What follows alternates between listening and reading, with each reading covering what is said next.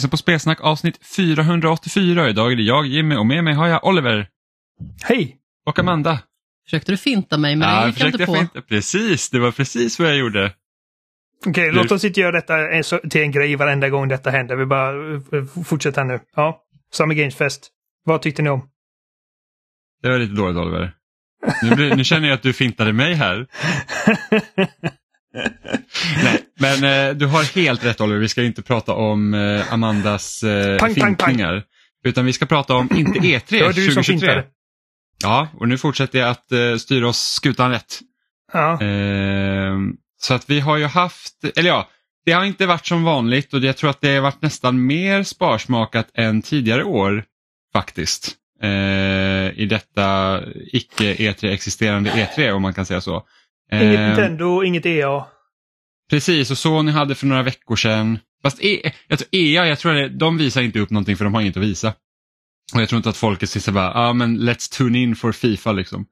Eh, kanske Amanda, men eh, Inte jag. vi andra. Eh, men det har varit, eh, Jeff Keely har ju kört Summer Game Fest, vilket många har liksom sagt så här, bara, ah, Jeff Keely dödade E3. Eh, sen har ju Xbox haft sin vanliga slott som de brukar ha. Ubisoft körde sin Ubi Forward och sen hade Capcom ett litet eh, event eh, sent i natt. Eh, dagen efter vi spelade in. Om man ska vara krass så känns det som att E3 dödade sig själv. Ja, ja så, så är det ju. E- E3 dödar ju sig själv. Alltså det, det, liksom, det finns ingen att skylla på annan än de själva när det kommer till hur de har liksom skött, eh, skött E3 och så. Ehm, och tittar man liksom på hur de här konferenserna som vi har sett har sett ut så alla är ganska med på tåget att E3 har dött förutom Ubisoft. Eh, med tanke på hur den konferensen var strukturerad, vilket var ganska kul. Ehm, men vi börjar egentligen med Summer Games Fest. Vad känner ni om eh, Jeff E3 dödaren Kilis eh, event? 2 av 5. 2 av 5, Va, why? Jag, kom, eh, jag, kommer ge, jag kommer ge en sån här eh, not av 5 på varje liksom Ja, okej. showcase här nu. Ja, så vi börjar med Eh, 2 av 5, starkt. Ja. Uh, ja, Var- det, här, det här var uh, Summer Snooze Fest va? Det var alltså... Det var, ja, nej. Eh, och det låter så jävla, det låter så jävla nedvärderande att säga så för att det är liksom massor av, alltså hundra, hundratals, kanske tusentals människors arbeten som liksom visas upp för första gången eller liksom i större utsträckning. Och jag sitter här och bara uh, tråkigt. Men det här, det här tyckte jag var trist alltså. alltså. På grund av, alltså någon speciell anledning eller liksom bara så att du, du var inte intresse- jätteintresserad av något som visades eller?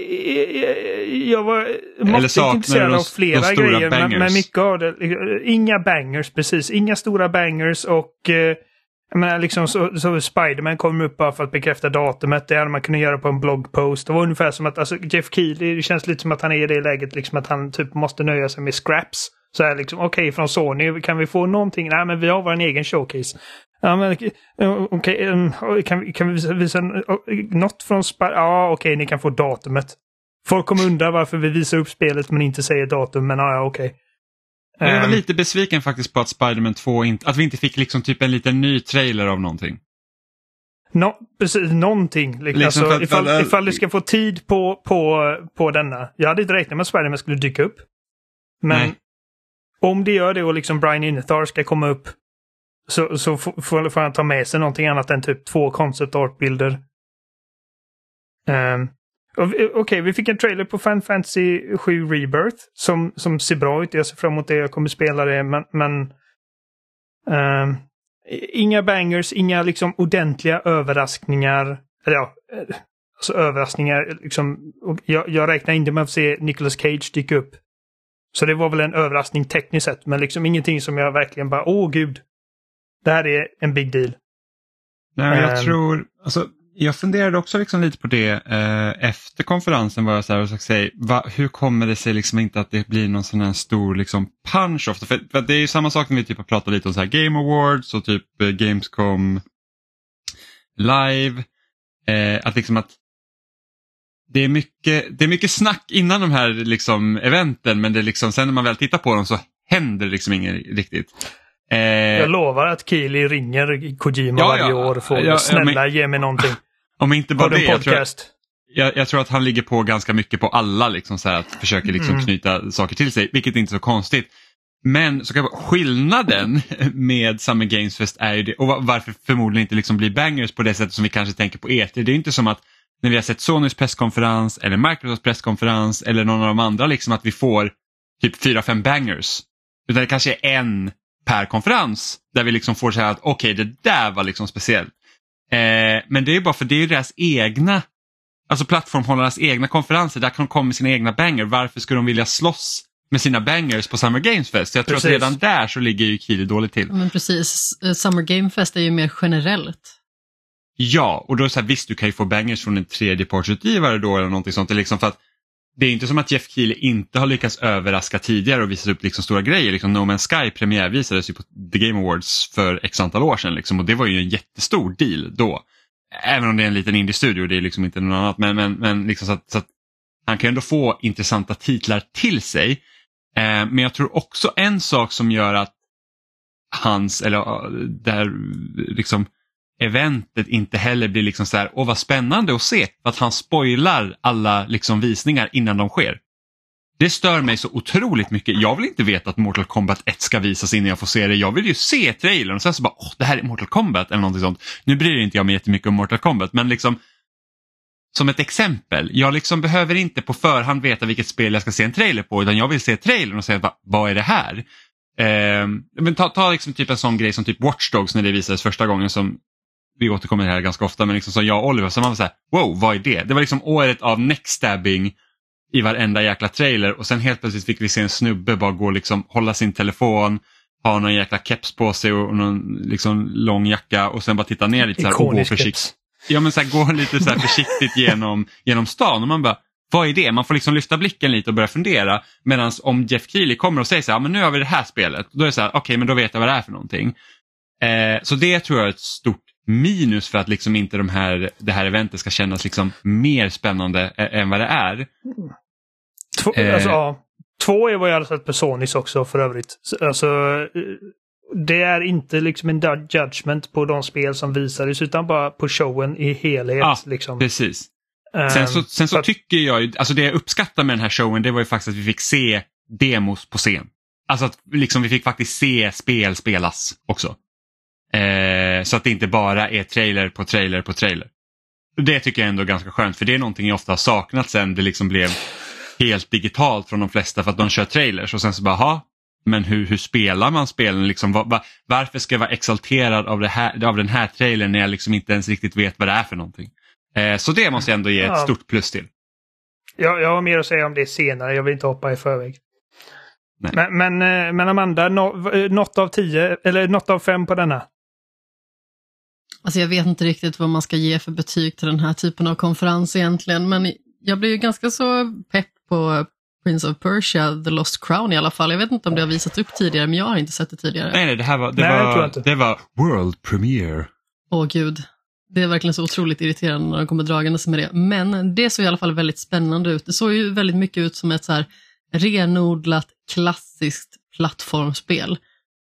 Det har man ju egentligen ja, ganska så mycket längtat efter. Eller jag gör det i alla fall. Där serien jag tror inte egentligen. att det är Metroidvania. Ja. Vilket känns väldigt skönt. Ja, alltså det ser ju ut som... Alltså jag, jag, jag ser väldiga så typ Hollow Knight-vibbar i spelet, tycker jag. Och det, ja, liksom både, med, både men... här och sen i, när vi, det vi fick se i Ubisoft-konferensen också. Men uh, ja. Det såg jag, roligt ut i alla fall. Ja, jag håller med. Men jag tror att de sköt sig lite i foten med hiphop-musiken i trailern för jag tror att det gav lite eh, avsmak hos vissa spelare. Eller ja, tittare. Men de, de... Uh, men jag reagerar också på det. Jag bara liksom... Uh. Ja, okej. Okay. Uh, alltså jag, jag brydde mig inte så mycket på det. Alltså, jag, först och främst blev jag lite förvånad över att det var 2D-spel, uh, alltså den här typen av spel. För att jag tänker liksom, jag tror att man nog hade förväntat sig att Prince of Persia kanske liksom är det här tre, tredjepersons actionäventyret, liksom likt med Sense of Time-trilogin eller liksom även det senaste. Är det det från 2008 som är det senaste Prince of Persia? Är inte Forgotten Sands efter det? Ja, just det, den, den med filmen va? Alltså det var, det, var, det var ett spel från filmen, eller hur? Nej, men det kom runt den tiden. Jag tror ah, att liksom för att det passade bra liksom. Ja, jag fattar. Men, men det eh, handlar inte om... Ja. ja. Men, men, men jag, jag, kan tänka mig att om man liksom har väldigt gärna velat se liksom ett, ett Prince of Persia liksom lite mer åt ja, men typ Uncharted-hållet då kan vi väl säga. Eh, då, då kan jag tänka på att man blir liksom lite besviken men jag som inte har Mm. det enda Prince of Persia förutom originalet eh, jag har spelat är ju faktiskt eh, det från 2008 och det gillade inte jag. Så, Tänker du originalet, originalet? Eller ja, originalet, originalet ja. Nej, originalet, originalet. Alltså det, det, det, det som var skitsvårt. absolut, ja, ja. När man typ hoppade över en avgrundsrand på massa spikar och man bara, mm, det här var ju lätt. Eh, så, så, så, så hade jag ju också liksom förväntat mig kanske liksom ett, ett tredjepersons actionäventyr men, men jag tycker att det ser bra ut och att det också är gjort av eh, Rayman Origins-teamet är ju verkligen så att okej men det är liksom, de, har, de har ändå mitt förtroende eh, till att kunna göra Mm. ett riktigt bra spel.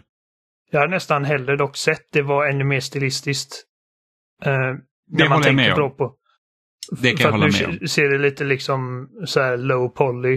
Ehm, men alltså jag tror inte någon förväntar sig detta och, och alltså vi har ju den här remaken av Sands of Time känns det som att den är typ lite i development hell. Ja, jag tror att den har typ rebootats igen. Eh, jag har för mig att det, om det inte ryktades eller bekräftades för någon vecka sedan, men i alla fall den liksom, det, det är typ gjo- gjorts om, jag ska Ja. göras om igen. Men medan man väntar på det så har man något sånt här som, alltså det, det är ju billigare att göra liksom ett, ett 2D-plattformsspel än ett liksom så här hög profil 3D ehm, action blockbuster givetvis. Så att Jag kan också liksom, tycka att det är lite kittlande ändå för att det känns som att många spel i kanske den genren kommer liksom eh, vara lite mer så här snuttifierade eller kanske lite mer eh, fokus på väldigt så här udda, alltså i stil med Hollow Knight eller Celeste-vibbar. Medan det är liksom skönt att man tar någonting som är så pass etablerat och ändå liksom sätter det i så tvådimensionell vy. Jag kan ändå gilla det. Ja, det är lite som typ när Nintendo utannonserade Metroid Dread.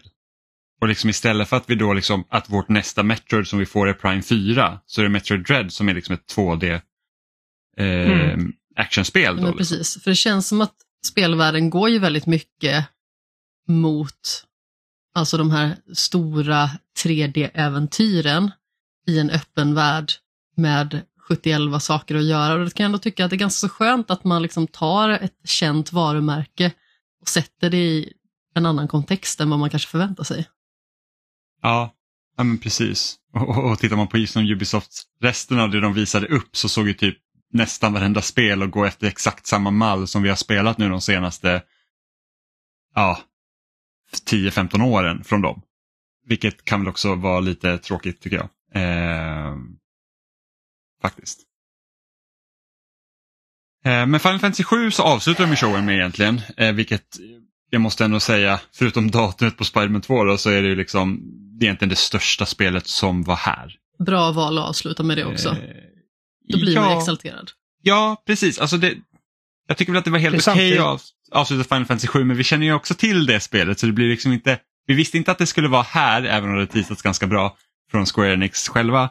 Men liksom just det här att vi vet om att Rebirth kommer. Liksom. Jo, jag vet.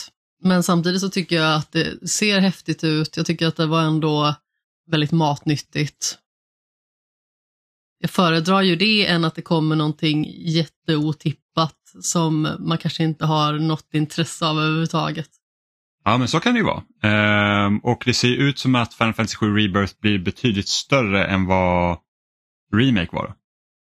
Ehm, för det ser ju ut som att de liksom öppnar upp kartan precis som originalet. Liksom att nu kan du liksom resa till olika platser och du liksom såklart inte fast till Midgar utan du liksom får ju, får ju röra dig ut liksom på, på hela världskartan. Eller ja, en del av världskartan. Jag vet inte exakt hur stort det här spelet kommer vara eller vad det kommer röra dig men det är i alla fall att det ser ut som var en mycket större spel än, än uh, Final Fantasy 7 Remake. Eh, och jag är ju väldigt pepp på eh, Rebirth faktiskt. Jag, eh, för att jag tycker, alltså som sagt Final Fantasy 7 Remake är ju, alltså det, det är ett helt otroligt spel. Jag kommer ihåg när jag spelade och jag var såhär, jag kan inte tro att det här spelet existerar. Det var ungefär så jag kände.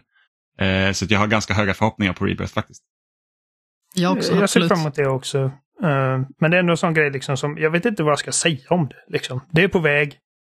Och- Men du hade inte spelat originalet va? Nej, det har jag inte. Nej, och, och, och, och det är det som är så spännande med just Final Fantasy 7 eller den här delen av Final Fantasy 7 för man skulle kunna tänka sig att det är en remake av första spelet men det här är egentligen en fortsättning. Reimagining. På, nej, jag skulle inte säga att det är en reimagining heller för att jag tror att händelserna i Final Fantasy 7 har hänt. Och det som händer i remake är en konsekvens av det. Så utan att Hä? spoila helt om man inte spelat. Eh, ja, alltså det, Men skulle kan- du säga att det förra spelet inte är en remake av sjuan? Mm, inte, inte i remake i den typen som vi kallar, kanske kallar så här Resident Evil 4 Remake för en remake. Eller Dead Så Space. att när jag spelade remaken, när kom det? 2020? Yes, 20, 20? yes. Så originalsjuan har alltså hänt i den världen. Inte i den Säger du? världen. Ja, till viss del. Typ. Alltså inte riktigt, men ändå. Det, det är liksom... Du får Så det är ut... två gånger som ett gäng som består av en Cloud och en Tifa och Alltså, en Barrett hoppar av ett tåg och spränger den här Mako-reaktorn och... Jag skulle säga att det, är, det kan vara lite tidsresande och lite sånt som pågår i bakgrunden eller typ multidimensionella världar. Okej, Så- ja, jag tänker inte fråga mer Nej. för att jag, jag kommer inte fatta ändå. Men Nej, men, men så jag- här är det att, att, när jag var klar med remaken så var jag så här att okej, de som inte har spelat originalet nu kommer vara ännu mer lost än vad jag känner mig. Ja, jag ens- fattade ingenting. Nej, det var, för- ballade ur som fan. Men det gör alla de här spelen. Jo, jag vet, men det är liksom så här att typ, det finns vissa grejer som händer i remaken som absolut inte händer i, i, i, i originalet och det finns också vissa element som är helt nya för det spelet vilket tar berättelsen i en helt annan riktning. Liksom i, i, i Final Fantasy 7 så slåss du ju inte mot Sephiroth innan du lämnar Midgar. Liksom där. Nej, Det är ingen men, stor bossstrid liksom med honom. Nej, men det Eh. tänkte jag mer som att liksom, de måste få in en Sephiroth-fight för att folk inte Jo, ska bli sura.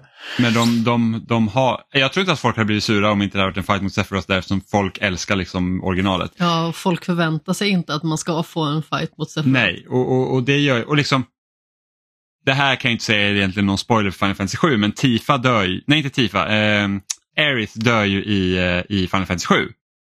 Mm. Och på grund av hur storyn är i Remake så kan vi inte vara 100% säkra på att hon faktiskt gör det heller. Nej, För att så Nej, som, nej, så, så klart. som, så som jag Tifa istället? Ja men precis, och så som, så som, jag, eh, så som jag tolkar liksom remake så är det två stycken karaktärer som ungefär har lite koll på vad som sker och det är Sephiroth och det är Aerith. Så medan de andra liksom fattar ingenting om man säger så. Eh, så att, ja, men jag, jag, ska- jag, ska inte, jag ska inte spoila mer än det men det, det är liksom så att det, jag ser ju mycket fram emot Rebirth på grund av det också bara för att se liksom, okej men vad, vad är det de ska göra med storyn för att det här är inte bara Final Fantasy 7 utan det här är någonting nytt. Eh, Har de bekräftat faktiskt- ifall det blir ytterligare en till sån här? det, eller det ska vara en trilogi. Ja. Så att det här blir spel nummer två. Då. Sonic Superstore såg ganska trevligt ut. Ja, jag tycker att det... Ifall Alltså man jag, gillar får, Sonic. jag får såna himla Sonic 4-vibbar av det. Eh, sen så hoppas jag att det känns mer som Mania än vad det gör Sonic 4, vilket jag också tror att det är. Men det, det är liksom så att jag, jag, jag kan inte säga att jag var så superexalterad över Sonic. Det, det, Nej, det är jag- ofta hit och miss med de spelen. Så att eh, det kommer jag lär typ inte några, spela det, men det kommer några stinkar innan det kommer något bra. Typ. jag tycker inte det ser lika billigt ut som Sonic 4. Det ser Nej. liksom... Men så är det ju. Det, det, det, det ser ju mer ut åt Sonic Generations hållet liksom. Mm. Ehm, jag tror att den enda gången som det liksom började kittla i mig lite eh, var när vi fick se Alan Wake gameplay. Men, men det var ju inte mycket vi fick se om man säger så. Ehm, Nej, och, och, och jag, jag, jag som inte var så här överdrivet förtjust i Alan Wake-striderna i original, eller originalets strider, eh, ser jag ändå så här typ att det var ändå så här väldigt lika. liksom du använder din ficklampa och så skjuter du några skott och det är liksom så här, oh, jag hoppas verkligen att de vågar vara kreativa. Eh, jag är inte så orolig för det med tanke på att om man kollar på Sam Lake har gjort en del intervjuer här nu i samband med eh, SGF. Och eh, han sa liksom att alltså, det förra spelet var kanske lite missriktat, ett actionspel. Med, där liksom vi bara slängde så jävla mycket fiender på det hela tiden. Och detta är mycket mer att det är liksom betydligt färre fiender att oroa sig över och färre konfrontationer. Men du är mycket mer outgunned, alltså du är mycket liksom sämre positioner. För, det är ett survival horror-spel liksom. Det är typ mm. Resident Evil 2 jämfört med Resident Evil 4 liksom i tempo. Och jag är liksom inte automatiskt emot liksom att ficklampan spelar en roll i strider och sånt. Så länge det inte känns som att det är det enda jag gör. Liksom. Nej, nej precis. Men så, och, så känner jag också. Men det var bara som man såg, det var så här, oh, där ja, ser väldigt liksom, mycket ut sånt typ som man har sett tidigare. här och där. De, de, de har visat lite mer än vad vi fick se på presentationen här och eh, det har ju liksom en hel Fick nästan lite Heavy Rain-vibbar men liksom hon kan Saga som är en av protagonisterna då. Uh, kan liksom gå in i sin headspace som är liksom ett typ kontor. Tänk Evil Within du vet. När man ja. går till safe room så är det liksom ett poliskontor. Och så har du liksom din board med alla ledtrådar som du sen ska pussla ihop så att du gör liksom en hel del detektivarbete. Uh, I detta liksom mentala, uh, mentala arbetsytan som man har. Så att liksom gameplayt är inte bara liksom att springa i skogar och skjuta skuggiga figurer längre. Utan det är lite mer cerebralt och läskigt ja. framförallt. Och det var ju det jag verkligen saknade från första spelet. För det var ju så att det hade fungerat så bra om när man spelar som Alan, liksom att, att okej okay, under dagarna så liksom kör du någon form av så undersökning och du liksom kanske intervjua folk eller försöka hitta ledtrådar och sånt och sen kvällarna. Det fanns ju lite liksom, sånt liksom. Typ yes. sex minuter dagtid och så går du liksom intervjua någon som kanske har någon information och pang så är det natt igen och så har du liksom två timmars nattgameplay och bara liksom springa i skogen och döda saker. ja men precis uh. och, och, och, jag hoppas verkligen att de, för att, för att oftast i skräckfilmer så är det ju inte liksom läskigt konstant utan det är ju så här att Nej. Alltså huvudkaraktärerna brukar ju oftast försöka liksom lösa den skiten de har hamnat i.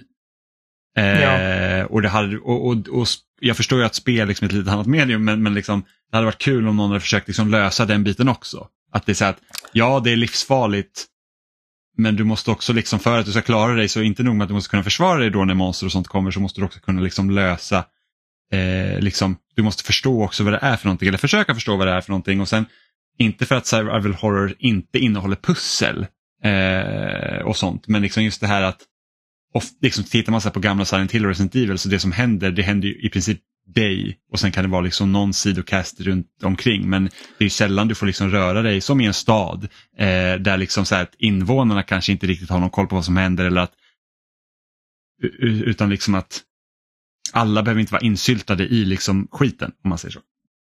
Ja, nej, jag har förtroende för dem. Det låter verkligen som att de har identifierat liksom varför Alan Wake inte alltid funkade och eh, vilken riktning de behöver ta detta för att göra det intressant igen. För att jag gillar karaktären Alan Wake och konceptet med Alan Wake. Eh, och jag tror att det är ett smart liksom, val att eh, att liksom bringa in ett nytt perspektiv i den här karaktärens saga. Mm. Eh, för att liksom även de som har spelat det, det var många år sedan många av oss spelade. Och eh, Saga är liksom ett nytt perspektiv. Hon vet ingenting om backstoryn liksom. Och man upptäcker det här mysteriet i takt med henne. Liksom.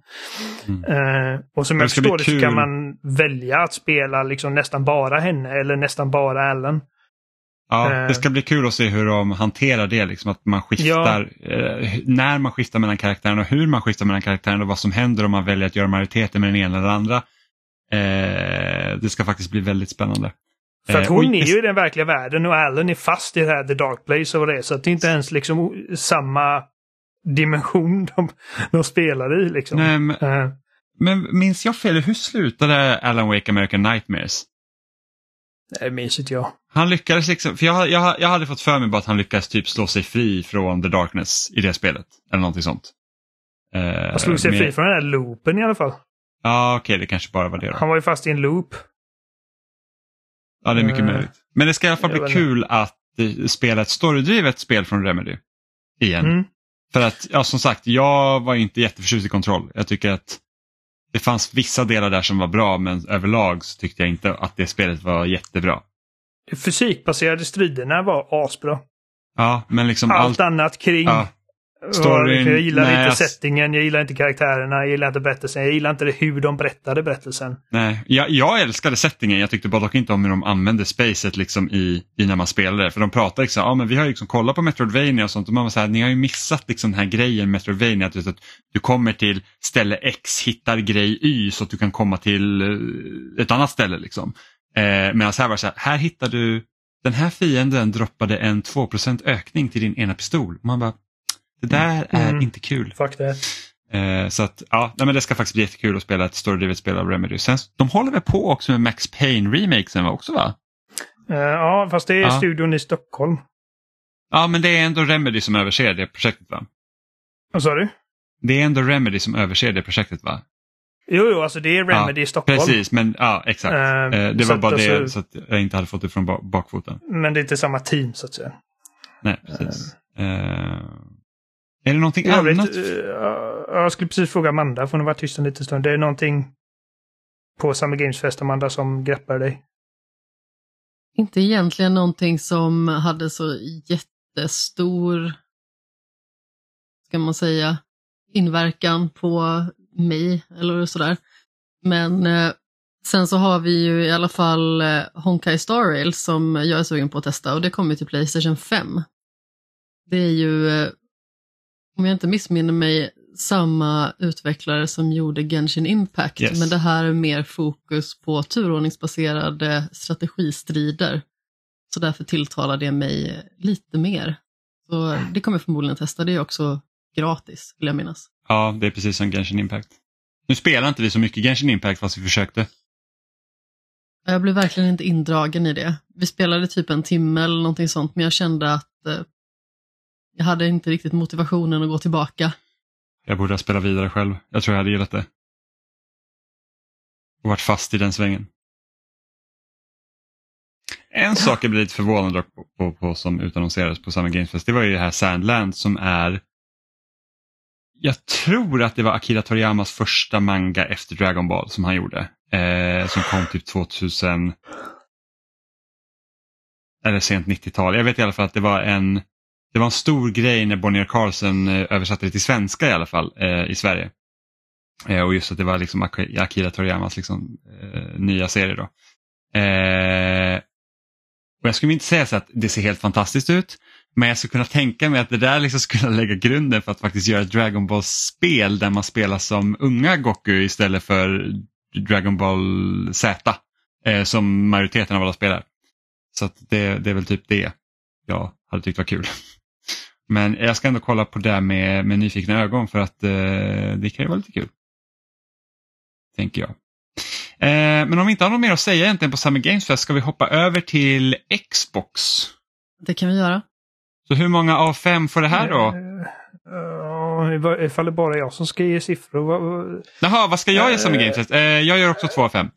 Eh, jag Ja. tyckte att det var sådär. Eh, just för att ja, jag, det, det var ett jag gillar att man får se demo, jag gillar att man får se spelen spelas, att det inte bara är en trailer reel. Jag tycker inte om att Jeff Keely eh, spoilar sina egna reveals. Och det, det är för lite liksom överraskningar eh, som man känner så här, "Uff, vad är det där? Det där vill jag veta mer om. Eh, så. Xbox. Ska vi låta Amanda säga sina första av fem? Alltså jag vet inte riktigt eh, vad jag ska ge för sifferbetyg, precis som jag nämnde tidigare. tycker det är knivigt. Jag tvingar dig. The power of Oliver compels you. Jag Fast du har inte tillräckligt med kraft över mig, så jag säger att eh, jag tyckte att Xbox var oväntat exalterande ändå.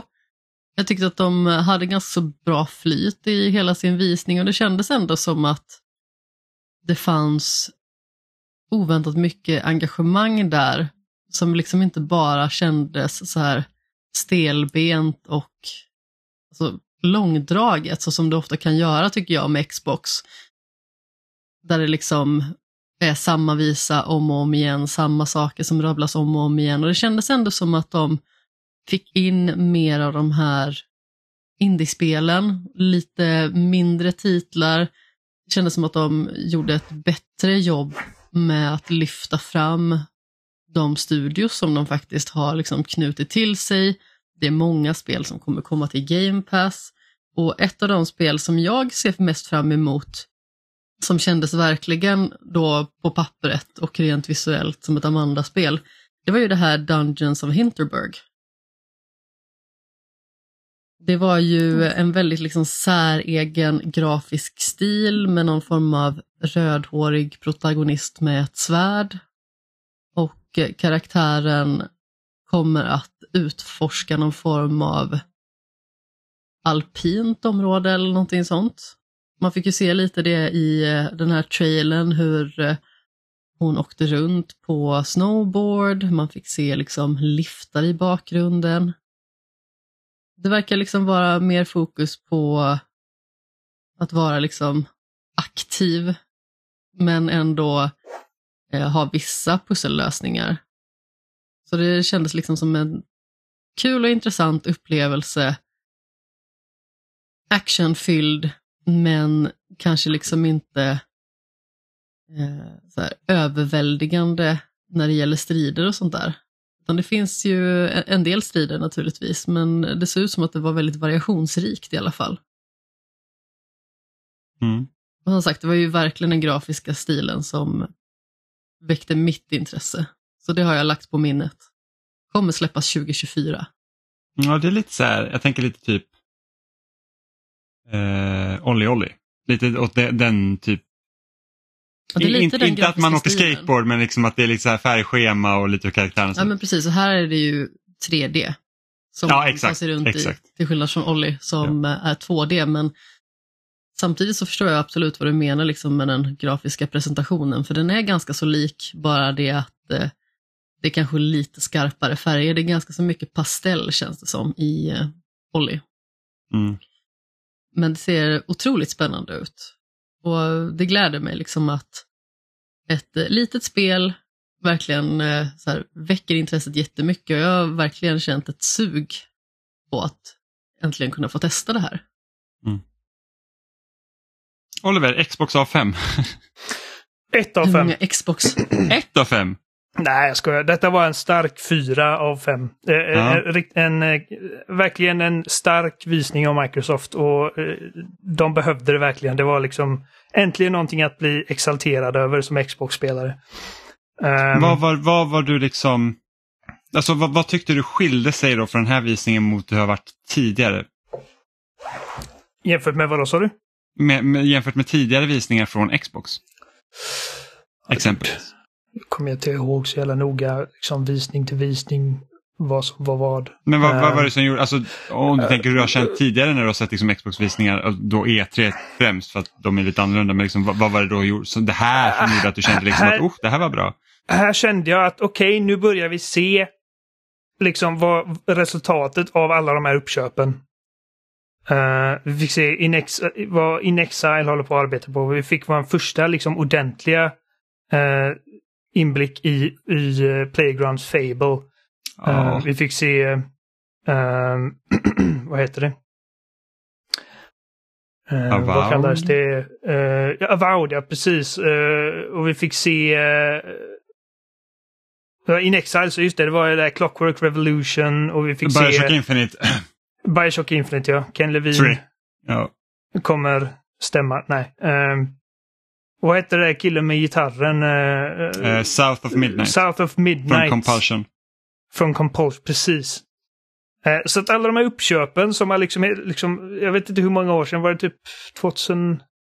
De började köpa Jag- typ studior runt här, typ 2015-16 va? Tror jag de började öppna plånboken. Ja, ja, jag vet inte. Men, men, men nu börjar man äntligen liksom se, okej, det här är liksom, nu, nu ser vi hur den här framtiden för Xbox ser ut. Och det är liksom jämfört då med Playstation där det var massa spel som jag var intresserad av. My- Mycket av det liksom var grejer jag kände till och extremt lite av det var från Sonys egna studios. Så här var det liksom att, okej, det här är var pengarna har hamnat. Eh, och det är fortfarande många frågetecken. Och jag tror att det och som inget har håller det... släppts än. Så det är liksom så här, också det. För att vi, liksom, så här, vi vet inte när Fable släpps. Eh, vi, vi, vi vet att eh, Hellblade 2 ska komma nästa år till exempel. Eh, jag vet inte om vi fick något typ tidsram för Clockwork Revolution. Till exempel. Så att det, det är liksom så här. Vissa av de här grejerna kan ju vara också rätt så långt bort. Jo, och, och, jag tror att det som håller det från eh, liksom en fem av fem som jag har sett, alltså jag, när man kollat på jag vet att när jag lyssnade på Kind of Funny exempelvis, så liksom alla de gav det across the board fem av fem och sa liksom att det här var jag vet inte, ifall, ifall, ifall inte detta är fem av fem, vad, vad, vad vill man då ha? Och jag känner att Okej, okay, alltså ta Hellblade exempelvis, ett spel som jag ser väldigt mycket fram emot från ett team som jag har väldigt mycket respekt för och väldigt mycket tilltro till. Men nu har vi sett det här spelet i, vad är det, tre olika omgångar. Minst två som är liksom, okej, okay, in-engine, in liksom så kallat gameplay. Ja, mer än en teaser. Precis, och jag, och jag känner alltså om detta, om, om det jag sett av det här spelet hittills är en fingervisning om vad jag kan förvänta mig av det här spelet så är jag inte särskilt hoppfull längre. För att det känns som att det bara är liksom en cinematisk upplevelse. Snarare än ett spel. Och jag har helt från start känt att Hellblade 2 kan bli Microsofts God of War. Inte för att jag vill att det ska vara exakt som God of War. Men, Nej, men alltså, liksom det här liksom, storydrivna, superpolerade liksom... Uh, Upplevelsen. Ja, ja, men, ja, precis. Den grejen. Mm. Uh, och jag vet, jag, jag är inte övertygad om att det är vad det kommer vara. Det kan hända att det är liksom mer som det första spelet som är lite mer av en... Du gör lite pussel här och där och extremt begränsad combat. Um, och om det är det så är liksom okej, okay, det är fine, men det, då blir jag lite underväldigad. Och sen har vi typ Fable, ett spel som jag varit nyfiken på att se hur länge som helst. Uh, jag, jag, jag ville verkligen se liksom, okej okay, hur ser Fable ut 2023 eller liksom i modern tid och av ett annat team. Och jag är glad över att den här brittiska torra humorn verkar finnas där. Liksom, tonen känns alldeles liksom perfekt. Eh, och som jag förstår det, liksom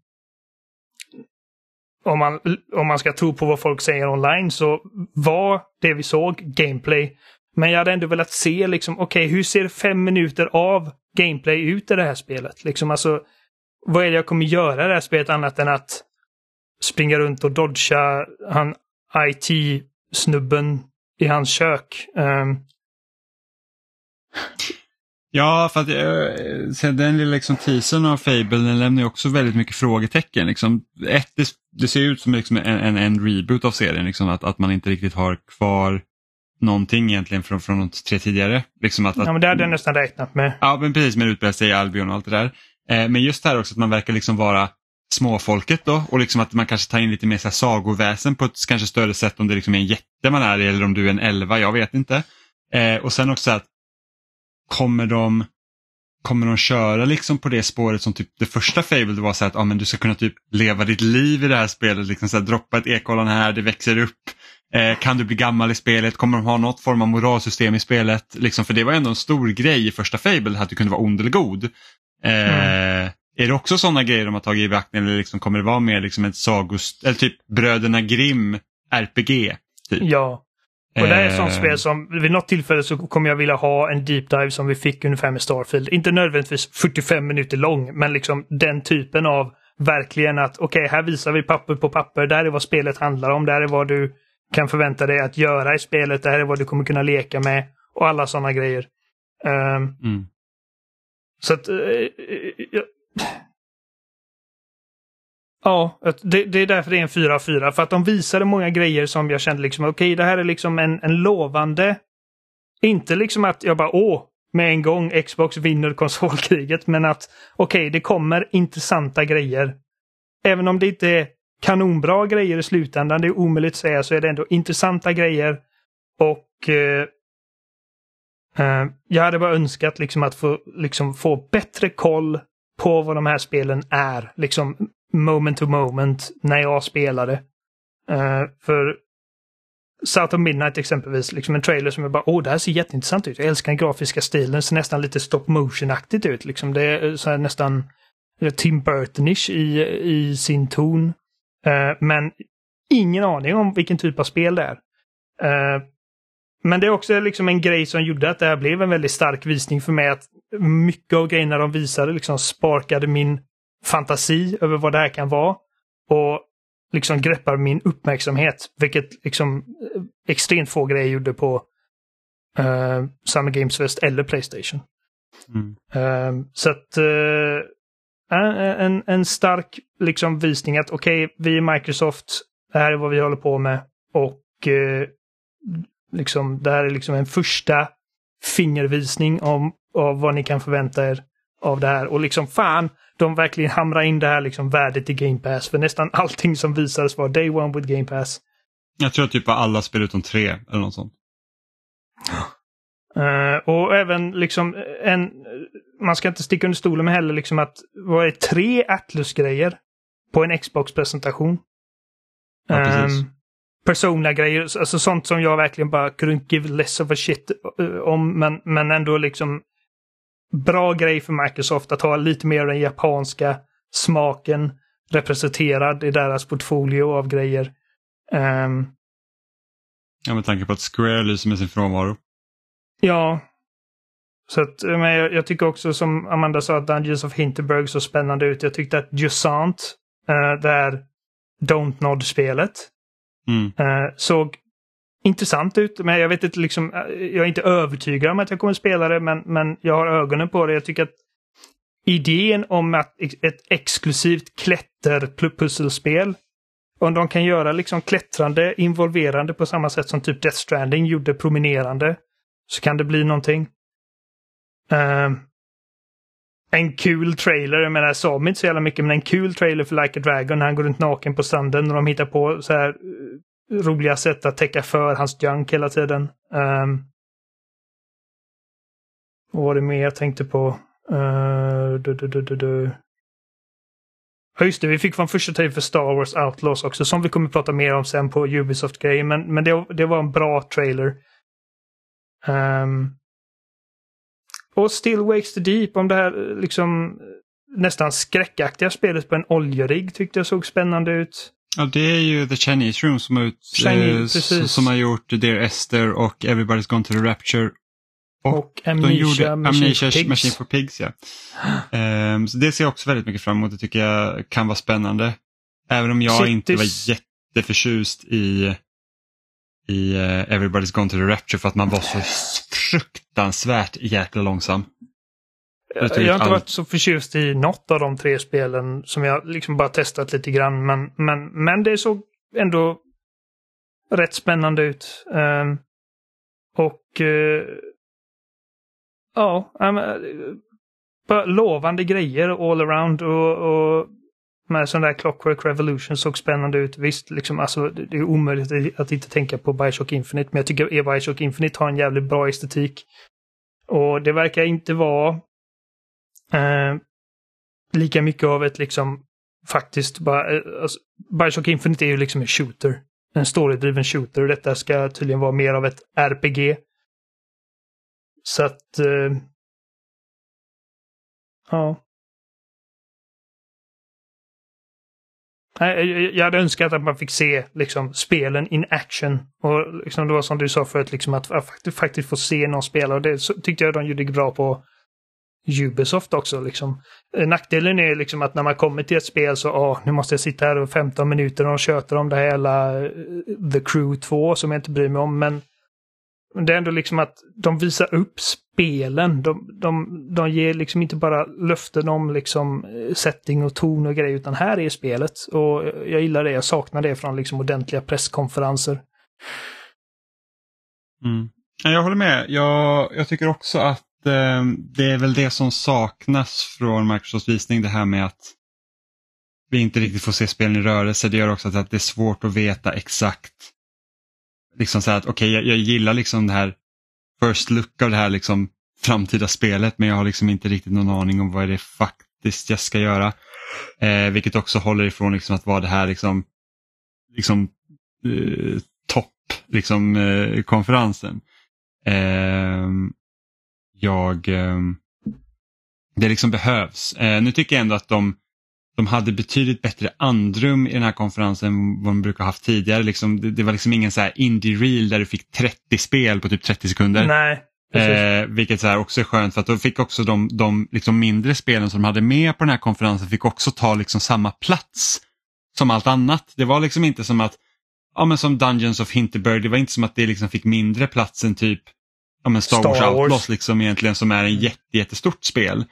Eh, Så att det är liksom, och, och det, det, är liksom väldigt så här, ändå välkända indiestudior också som får liksom vara med och, och, och liksom slåss också om, om, om uppmärksamheten som man säger. Liksom Don't Nod liksom känner man igen. Eh, även Towerborn som utvecklas av Stoic Studios som har gjort Banner Saga-trilogin till exempel fick också visa upp. Eh, 33 Immortals som, som är också så här att typ Raid-spelet deluxe där man får spela typ med 32 andra spelare. Eh, hur vet jag inte hur det ska liksom göras men det är av eh, det är av samma utvecklare som gjorde det här, um... gud nu tappar jag bort det här namnet, det är jättebra det spelet. Uh, där man kan krama så man åker på en båt. Amanda du har spelat det? Spiritfarer. Spiritfarer, precis. Det är samma utvecklare där så de har liksom helt bytt genre helt plötsligt. Uh, vilket också är så intressant. Sen Persona som du nämnde, jag, jag ser väldigt mycket fram emot Persona 3 för det har jag inte spelat. Dock så är det ju skittråkigt att det här inte är någon så definitiv version av spelet. Vilket är ett problem redan idag för att du kan, det finns ingen version av Persona 3 där du får allt innehåll. Eh, du har liksom originalet på PS2, sen har du eh, sen har du någon annan version efter det som har så här, något extra material och sen har du PSP-versionen där du har liksom en, en, en kvinnlig protagonist också. Inget av det liksom är med utan det här är, liksom, det här är originalet. Som är en remake av. Så det är lite tråkigt att de liksom inte la in då allt. Eh, så att du liksom har att det här är liksom Persona 3 liksom, allt som vi gjorde på Persona 3 fast i ny skrud. Men jag ser ändå fram emot det. Um, sen är jag lite förvånad över att Avowed såg så annorlunda ut mot vad jag hade tänkt att det skulle se ut. väldigt annorlunda ut ja. Uh, liksom från att ha gått liksom att vara till typ det här är deras egna Elder Scrolls till att liksom vara mer Ja, alltså det, det, såg nästan ut som en blandning mellan liksom Elder Scrolls och Outer Worlds liksom i typ ton och utseende. Men jag tror eh, de har väl eh. aldrig sagt liksom att detta är vår uh, Skyrim-utmanare utan det är väl någonting som folk nej, liksom har, har typ antagit. Nej, det har inte, de har inte sagt att det ska vara den här Skyrim-utmanare men det var liksom deras sätt att göra då det här typ, typ medeltida RPG. Var det Obsidian? Yes. Eh, och jag hörde i en intervju att de sa att utvecklingen med Outer Worlds ändrade också inriktningen på Avowed. Att det liksom skulle bli mer karaktärsdrivet snarare än eh, strider. Liksom. Även om det kommer såklart finnas. Men liksom, det blir så att karaktärerna hamnar i ett större fokus det, och det ser jag väl ändå som positivt. De har bekräftat att det, det är mer likt Outer Worlds i skala än Skyrim. Och jag vet inte om jag tycker att det är en dålig grej egentligen. Nej, jag tycker inte heller att det är, det är en dålig grej. Jag blev bara så, alltså, det var ändå förvånande att se hur det såg ut. Eh, ja, liksom... jag, jag reagerar på grafiken mer än någonting mm. annat. Inte för att det var fult, men liksom att, det, för att den första teasern såg väldigt mycket liksom mörkare och uh, sketigare ut. Liksom. Och, ja. men, men jag vet inte, alltså, jag, jag såg en, en del sura miner av det på, på typ Twitter där folk säger liksom att åh fan, med Microsofts pengar i ryggen ska de väl kunna göra det här massiva liksom många ja, det... sälja spelet. Jag känner bara, men ni har ju Starfield. Liksom. Alltså... Ja, men, men det måste jag också faktiskt eh, säga att eh, det var något jag tänkte på när jag såg Microsofts presskonferens. Liksom, att man såg alla de här liksom, spelen som, eh, som, som ser spännande ut såklart. Men det är så här att, alltså titta typ på Clockwork Revolution. Det ser inte ut liksom att komma från typ Microsofts top tier studio. Om, förstår, om, om, ni förstår mig rätt. Liksom inte så att jag säger att all, allt ska se ut som typ Last of Us. Liksom. Men nej, det, nej, det, är liksom, det är ju ändå en skillnad på när vi ser första parts från Sony och första parts från Microsoft. Liksom att alltså, titta på liksom, alltså, även så här Sonys liksom, mindre skalaspel. De har, de, visst, de har hittat sin nisch också. Jag ska ändå säga att Microsoft tittar som de visade här, som kommer också från deras egna studios, är väldigt olika från varandra. Medan eh, Sony har verkligen kört hårt på den här tredje persons actionäventyret där vi liksom, du vet vad du får i princip. Mm. Eh, men liksom så att det gör en viss skillnad att liksom spelen kanske inte ser lika så här eller grafiskt imponerande ut. Jag ska inte säga tekniskt imponerande för det kan betyda massa. Men, det är men, klart men, liksom... att det är skillnad. Jag tror, men ja. det, det, är folk, liksom, folk tänker ja, oh, Microsoft-resurserna, men, men alla pengar i världen kommer inte få liksom ett 50-manna-team att kunna vara ett Naughty Dog. Liksom. Uh, Nej, teamen och, och, och är liksom... fortfarande vad teamen är. Ja, exakt. Jag tror, det är lite, jag tror lite det förväntningarna av många blir just på grund av att man ser Sonys första partstitlar och vi har inte riktigt sett Microsoft liksom spänna musklerna på samma sätt. Eh, och det är ju inte fel i sig, inte, jag kan inte förstå att det är jag som sitter och säger det heller. Jag som typ såhär, ja ah, men här är mitt lilla så här, enpixelspel som jag tycker är skitbra och så bara, det där var inte tillräckligt snyggt. Men liksom Nej, ta men ett jag, spel jag, som, jag är med på vad du menar. ja, och ta ett spel som Clockwork Revolution där jag ser så att jag var så här, ja, alltså det, det, konceptet ser spännande ut. Men liksom det, det liksom flashar inte riktigt på grund av att det ser Det är, inte... mycket, det är mycket grejer som ser ut att kunna, liksom, kunna köras på förra generationens konsoler. Liksom. Exakt, Och, exakt. och, Eh, och- det behöver inte vara fel i sig, men liksom det är så här, det, det är en annorlunda approach till det hela. Eh, och, och, vilket jag, och, det, och det har varit ett ganska liksom Spelen bara tar längre och längre tid. Alltså det, det är liksom så att den här jakten på att vara tekniskt framkant hela tiden när det kommer liksom, och, och jaga typ den här um, fotorealistiska grafiken, det håller inte för att liksom Alltså Starfield släpps i år och då har inte liksom Bethesda släppt ett jättestort RPG sedan Fallout 4. Och det börjar liksom närma sig tio år. Det har gått över, eller ja, i, i september så har det gått tio år sedan vi fick, fick se ett GTA senast. Eh, visst, de släppte Red Dead 2 däremellan men liksom jag ser i- ingen framtid där vi kommer se ett Red Dead 2 inom de närmsta tio åren. Eh, Red Dead 3 menar Tre. du? ja, Nej, precis. nej jag, det tror inte jag heller. Och liksom även så här att, och man hör liksom folk säga så att alltså, man får vara glad om, om typ top tier studiorna lyckas liksom släppa ett spel per generation framöver. Och då är det liksom så att vill man offra det för att ha liksom en, alltså vill man att spelen liksom då ska se mer då fotorealistiska ut och kanske få ett spel vart 10-15 år eller är det någonting man behöver dra bak på så att vi liksom kan få fler spel istället men de kanske inte ser lika imponerande ut? Alltså, och folk kommer alltid gå till Sony och jämföra där. Men för man kollar på typ Insomniac som ändå har spel som ser helt fantastiska ut och de släpper liksom... Eh, Har de släppt typ fyra spel bara sen... Absolut, de har släppt, vi ska 2018, se, ja, från 2018 släppte de Spiderman och sen dess har vi fått Miles Morales, vi har fått Ratchet Clank och nu kommer Spiderman 2. Så att de, de är ju verkligen outliern här. Eh, Ja. och, det, och det hörde jag i en intervju med, eh, eh, det var mellan, undrar om inte det var Neil Druckmann och sen eh, Ted Price eh, från Insomniac. Där det liksom var så här att på Naughty Dog så försökte de ha två olika team och de lyckades inte få det att fungera. Medan på Insomniac så har man lyckats ha liksom, eh, flera teams och kunna arbeta på olika saker samtidigt. Eh, sen så kan man också så här väga så att okej, Naughty Dog de pressar verkligen gränserna varje gång och Insomniac kanske inte gör det på samma sätt men samtidigt man Ja, kanske inte nej. behöver ha det. Det var som vi hade diskussionen förut, typ så här att okej, behövde hästen kunna bajsa i Metal Gear Solid 5 till exempel? Eller är det en onödig grej? Eh, Det är inte så, en ja. onödig grej Jimmy. Nej, men Nej, sen får man liksom- också tänka på att Sony har liksom haft decennier på sig att fostra den här företagskulturen och bygga de här teamen och liksom bygga upp sin expertis och eh, sin liksom synergi mellan teamen. Och eh, det är ingenting som bara dyker upp på fem eller ens tio år. Liksom. Ehm, Nej, men så är det ju. Och, Microsoft och, och hade det, kunnat spela alla sina kort perfekt och det, vi kommer ändå inte få se dem nå de här nivåerna på länge. Nej, och, och det har vi liksom, och som sagt, vi har ju sett liksom de, de studion som Microsoft har plockat ihop själva, de funkar inte riktigt.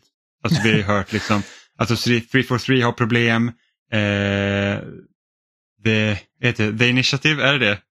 Ja, Ja, precis. De, de har verkar ha haft problem med Perfect Dark. Eh, sen The Coalition har väl liksom tuffat på rätt så bra, men ja. ja. det, det, det Så går att, rätt bra. eh.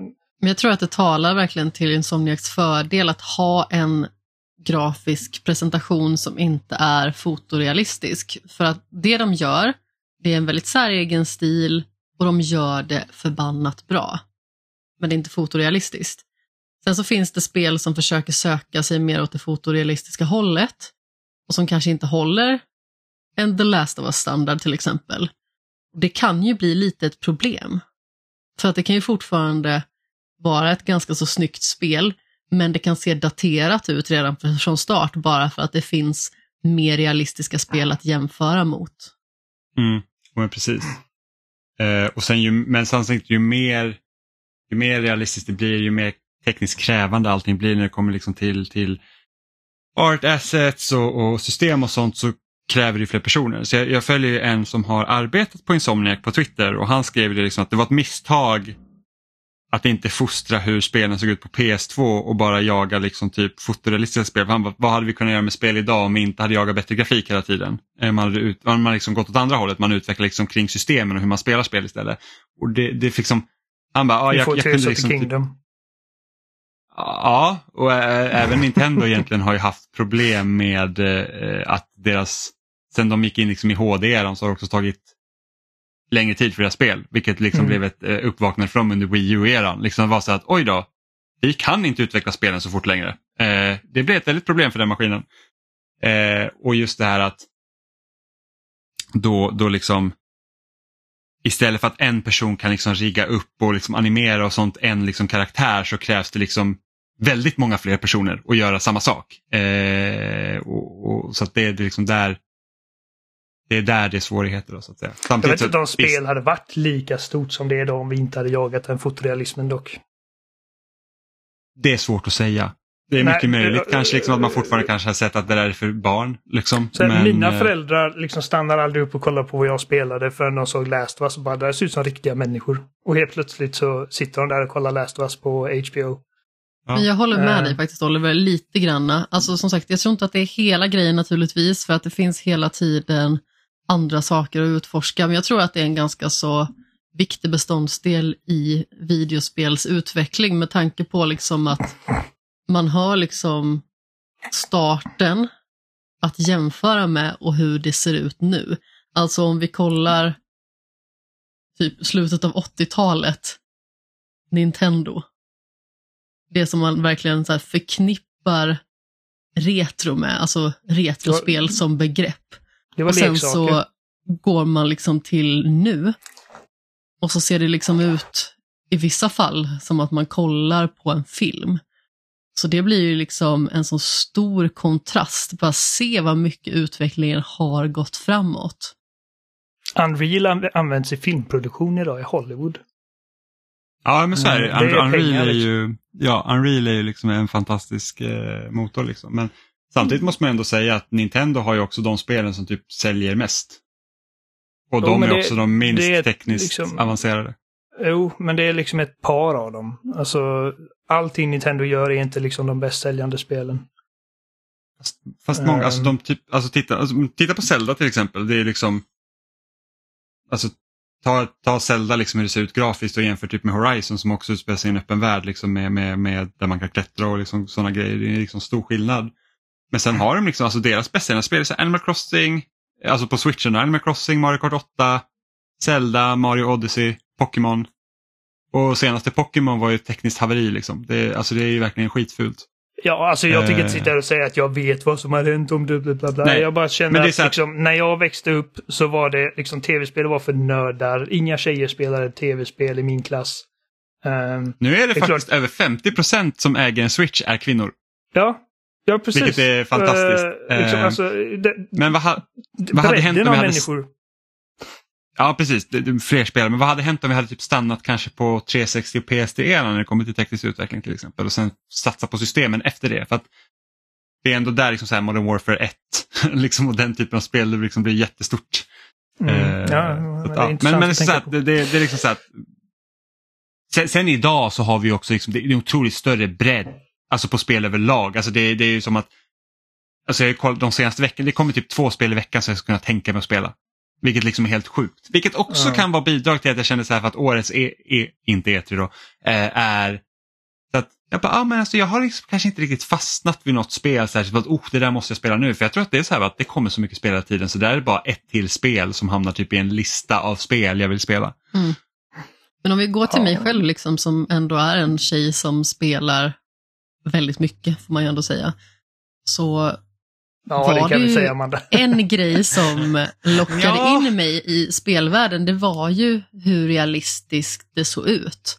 Alltså den utvecklingen som spel i allmänhet hade gjort på liksom den grafiska fronten, det var ju mer eller mindre en chock. Och då spelade jag ändå Batman Arkham Asylum till exempel tre år efter att det hade släppts. Jag kände bara liksom så här, det här är framtiden. Vad mer kan jag ha missat? Och visst, jag älskar ju Batman sedan tidigare, men i spelväg så är nog ett av de spel jag hade mest att jämföra med Batman the Video Game till NES.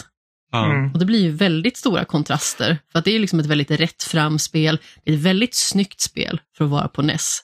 Alltså, stilmässigt så är det superbt. Men jag menar, de två i skillnad, jag tror att vad är Batman the Video Game släpp, det är typ 89 eller någonting sånt. ja, jag tror något sånt. Och sen så har vi 2009. Bra spel. Väldigt bra spel, absolut. Och så Nej, 20 men alltså, år senare så får man någonting som verkligen ser verkligt ut. Och jag menar, det är inte ett spel som är så här fotorealistiskt på något vis. Men man känner bara så här, vilken resa ändå.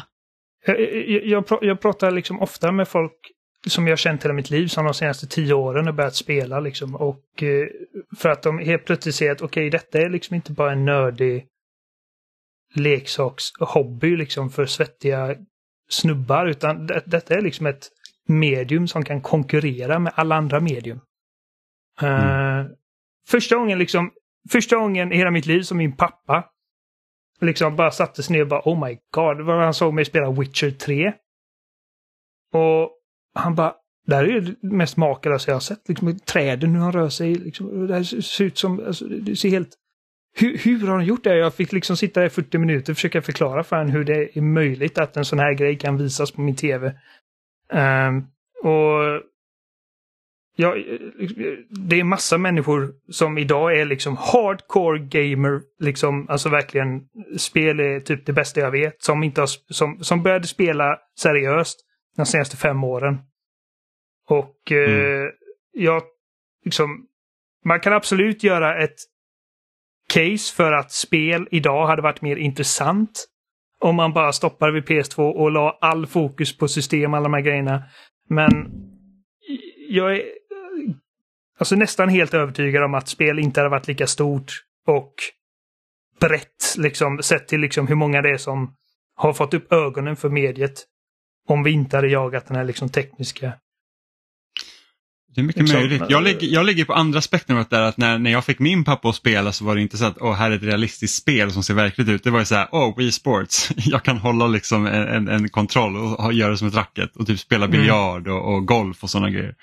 Eh, och som sagt, vet ju inte heller det. Säg, säg att de som typ, de som liksom har blivit jättestora gamers nu, liksom de senaste fem åren Oliver, de kanske också liksom har typ testat Wii och sånt innan, liksom kanske intresset har fötts någon annanstans. Liksom också och sen så Ja, ja. utvecklas det vidare. Eh, så att, ja, man, det är svårt det är att säga, ja, men, säga. det, ja, men det är spännande ändå. Det är lite den resan egentligen som jag själv gjorde, att jag hade ju ett intresse, men det var ju liksom inte på långa vägar vad det har blivit nu. Eh, En liten inflation som jag hade som jag har suttit och hållit på typ de senaste 40 minuterna, för jag har liksom inte lyckats flika in mellan er två. Det är liksom att jag hör vad ni säger, liksom att man kanske vill se mer av det spelmekaniska, att få se hur spelet rör sig, hur man hanterar spelet i allmänhet. Men jag måste ändå säga att jag uppskattar mångfalden och liksom ändå tempot i Xbox-visningen. För jag tyckte ändå liksom att det kändes som att man fick en väldigt bred skara upplevelser. Man bjöds liksom på mycket underhållning, älskade Fable till exempel. Jag tyckte att det var liksom en klockren representation ändå av vad det kommer att bli på något sätt, trots att det kanske inte är vad spelet kommer vara när man har det i händerna. Men jag kände liksom att stämningen gjorde så himla mycket. Jag håller Och med. det kände jag med många spel. Att det gjorde väldigt mycket för den visningen, så därför uppskattar jag den väldigt mycket. Jag sk- skulle nog säga att Xbox-visningen är ju den bästa vi har sett av alla visningar. Ja, spoilers. Ubisoft knäckte inte Xbox i år. Eh, Nej. Ubisoft var väldigt mycket en E3-visning. Vi kan gå vidare till Ubisoft Nej, och det deras dansnummer. Det kan vi inte göra, vi måste prata om Starfield. Ja, Just det, det. Det är liksom- för, det Det var ju synd. Vi snackar om spel att de ser ut, ser lite gamla rent tekniskt ut, men Fable ser inte gammalt ut. Nej, det gör det. Det gör om det. det ser ut som de, liksom, om vi ska, ska tro dem att det är så här spelet ser ut, så ser det riktigt jävla vasst ut. Ja, Eh, men men jag jag- tror inte att den sekvensen de visade, alltså rent så här bara spektakulärt hur det ser ut, tyckte jag kanske inte gjorde liksom det riktigt rättvisa heller. Liksom att, att det- var liksom inte så att man drog liksom ögonen nu, liksom till sig verkligen så bara, oh jävlar, vad st-" det såg ju snyggt ut såklart. Men det var inte så här att det här huset med den här jätten, den här lilla människan var liksom så här, oh, det där är grejer. Det såg Nej. absolut fint ut, men det som verkligen fångade mig, det var ju så här manuset. Rappheten Ja. i det, humorn. Alltså det var ju verkligen supertrevligt hur det presenterades och jag gillade... Britter. Ja, men exakt. Det är något som tilltalar mig väldigt mycket. Därför kände jag liksom att ja, men, det här blir jag ändå intresserad av för att om den här liksom pricksäkerheten i manuset kommer att följa med spelet vidare, om det liksom kommer vara så smart och roligt liksom, då är det någonting jag absolut vill uppleva och det har jag liksom inte känt tidigare. Det är inte precis som att jag har liksom suttit och rullat tummarna i väntan på Fable. Man kan fortfarande sparka höns också. Det, annars är det inte Fable. Eh, det är viktigt. Undrar om man kan fisa och rapa lika mycket. Jag hoppas att det Sluta är de här... Liksom, Ja, det, det, det är det som har fått Fable att stå ut från andra liksom random liksom eh, fantasy RPG. Det är den här liksom quirky, konstiga, eh, som sagt väldigt brittiskt lagda grejerna.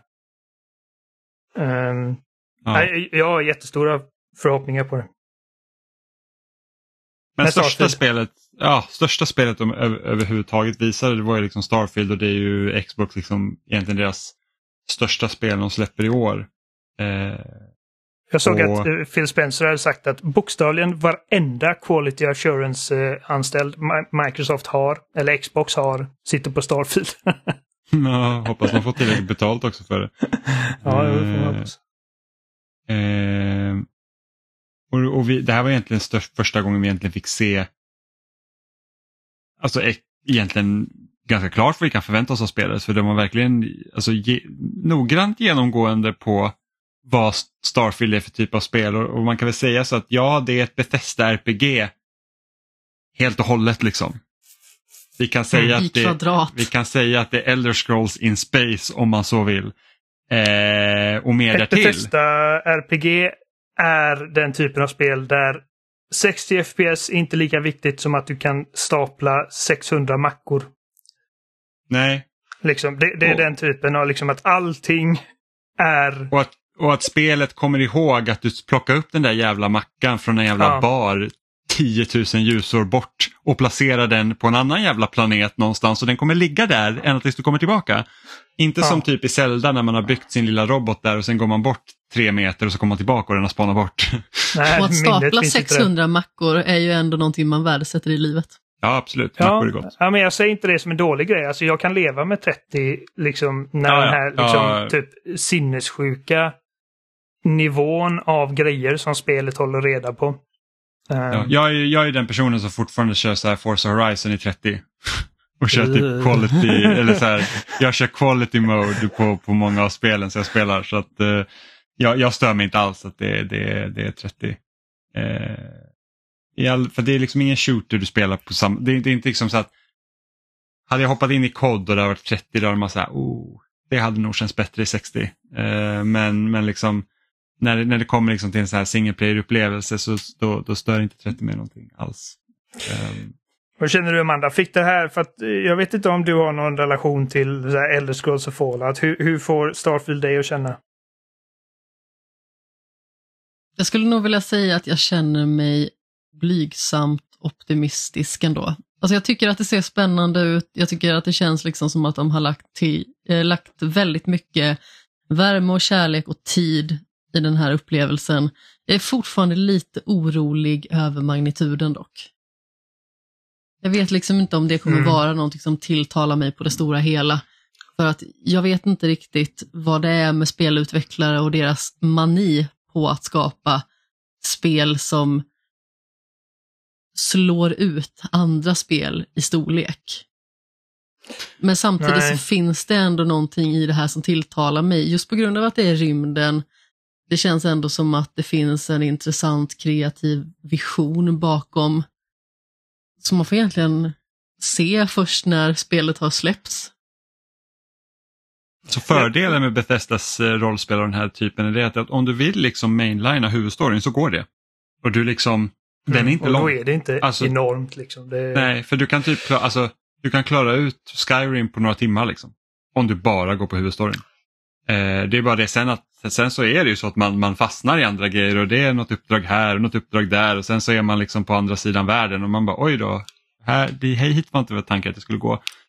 Eh, sen verkar Starfield... Ursäkta, fortsätt. Nej, sen, sen verkar sen Starfield är verkligen, alltså om man tyckte Skyrim var stort så verkar det här vara oändligt mycket större. Ja, alltså jag håller med Amanda till en viss del. Eh, även om jag också känner att det här är ett sånt spel som jag lätt kan som, som de tidigare liksom Bethesda-spelen som jag känner liksom att jag kan lätt liksom bara bortse från allt överflödigt som jag inte är intresserad av.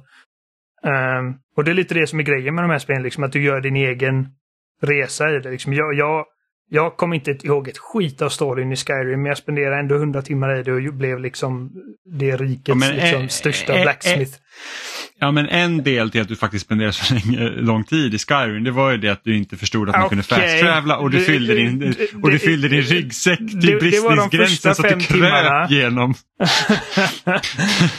Men det var väldigt långsamma fem timmar. Ja, verkligen. Ja, bara, jag, Jimmy, jag vet inte om jag gillar det här och man bara, nej.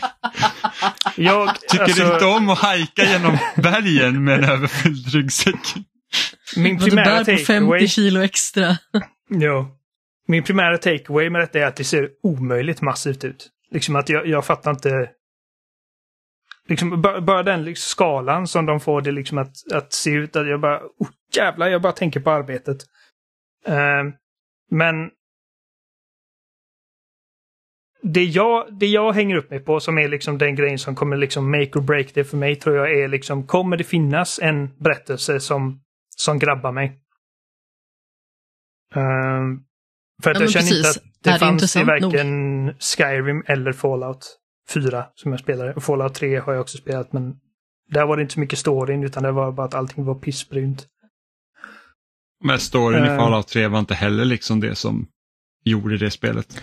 Nej, och jag, jag, jag inser liksom att de här spelen, alltså det, det, är inte storyn som är den drivande faktorn egentligen. Alltså det, det är liksom en massiv sandlåda där de låter dig alltså göra bokstavligen typ vad du vill. Men, men jag kände ändå att jag vill ha liksom en premiss som, som verkar vettig och som jag kan haka fast mig vid. Um, men alltså, det ser jävligt imponerande ut. Gör det inte det? Jo, oh, alltså det gör det. Jag hade tyckt att det var, såg ännu mer imponerande ut om No Man's Sky inte hade existerat. För liksom den här grejen med typ att du kan utforska ett universum på det sättet var ju verkligen väldigt kittlande då. Jo, precis. Men, men det här är ändå, alltså, det känns ja, ja, som att det, här är ju, mer det här är ju spel, liksom. mer. Precis. Uh, men det, det, det jag tyckte No Man's Sky till exempel levde på det var det här innan det släpptes då. Det var ju liksom att det var lite så här mystiskt att okej okay, men du ska komma till universums mittpunkt och vad finns där? Det gjorde liksom så att okej okay, men att resa mellan de här. ja, men, ja precis, nej, nej det fanns inte, det fanns ett till universum. Så du fick bara börja om i princip vilket var ju otroligt antiklimax. Men det var liksom det som kittlade väldigt mycket medan här vet jag liksom inte vad storyhooken är utan hooken är liksom att det är ett Bethesda RPG. Liksom att du, du, du har alla de här olika möjligheterna och vilka möjligheter det verkar vara. Liksom, så att, ja, men du har ditt skepp, du kan bygga ditt skepp, du kan bygga eh, en månbas liksom, om du vill det. Eh, du kan gå på storyn, du kan liksom mina och det finns liksom hur mycket som helst att eh, göra.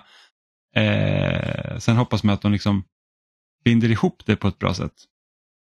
Det är väl det. Också så här typ att det verkar också vara som att man de verkar liksom komma undan också med det här att okej okay, du kan inte ha liksom en planet som jorden där det finns typ hur många städer som helst där du kan liksom landa utan det är så att okej okay, men du är liksom du är liksom nästan på the outreach av mänskligheten där man liksom har börjat utforska och liksom det finns vissa liksom platser här som är bebodda men överlag så är det liksom inte det finns liksom inte en jordlik planet här som är helt överbefolkad om man säger. Jag tycker att det är lite roligt ändå att Starfield är ett så stort spel som jag tror kommer tilltala väldigt många om det liksom görs så pass bra som utlovat. Men det rymdspel som ändå vinner inte E3, det är ju Citizen Sleeper 2, Star Wars Vector, som de visade upp på PC Gaming Show. Ja, det var ju, det var ju faktiskt väldigt roligt. Och väldigt otippat kände jag ändå. Jag hade inte förväntat mig att det spelet skulle få en uppföljare så jag är otroligt exalterad. Jag ville bara göra den inflikningen för att vi har inte sett PC Gaming Show, men det kändes ändå som en viktig beståndsdel att eh, smyga in här någonstans under tidens gång. Ja, det var förra årets bästa glad. spel. Ja, det var ett av eh, förra årets bästa spel enligt mig. Det kämpade om första platsen väldigt länge. Och eh, vissa dagar skulle jag nog kunna säga att det var förra årets bästa spel. Men jag är svag för Horizon också, döm mig inte. Ja, det var ju tråkigt. Elden ring. Ja, det var ju tråkigt. Ja. Det var bara jag som valde rätt spel förra året. Slå honom, Amanda. Amanda. Jag bara... Amanda, Amanda, Amanda. Nej, nej, men... Starfield ser verkligen massivt ut. Och Jag tror att ifall, ifall ingenting går rent åt helvete så kommer det vara det spelet på, liksom, förmodligen första spelet på ganska många år som liksom en ansenlig liksom, mängd Playstation-spelare önskar att de hade på sin plattform. Ja. Ja, men det, ja, verkligen. Det, Men det känns lite som ett sånt spel som vissa spelare, jag tänker liksom inte döma den typen av spelare på något vis, men vissa spelare köper liksom sitt ett spel om året eller varannat år och sen så är det bara det de kör. Starfield känns lite som den typen av upplevelse också, att det kan bli ett sånt för vissa. Ja, Men Starfield känns också så här som spelet som typ den här klassiska pappaspelaren som spelar ett och samma spel resten av sitt liv. Det är så här, jag spelar Age of Empires 2 Ja men det är och det har lite så jag spelat sedan typ 98.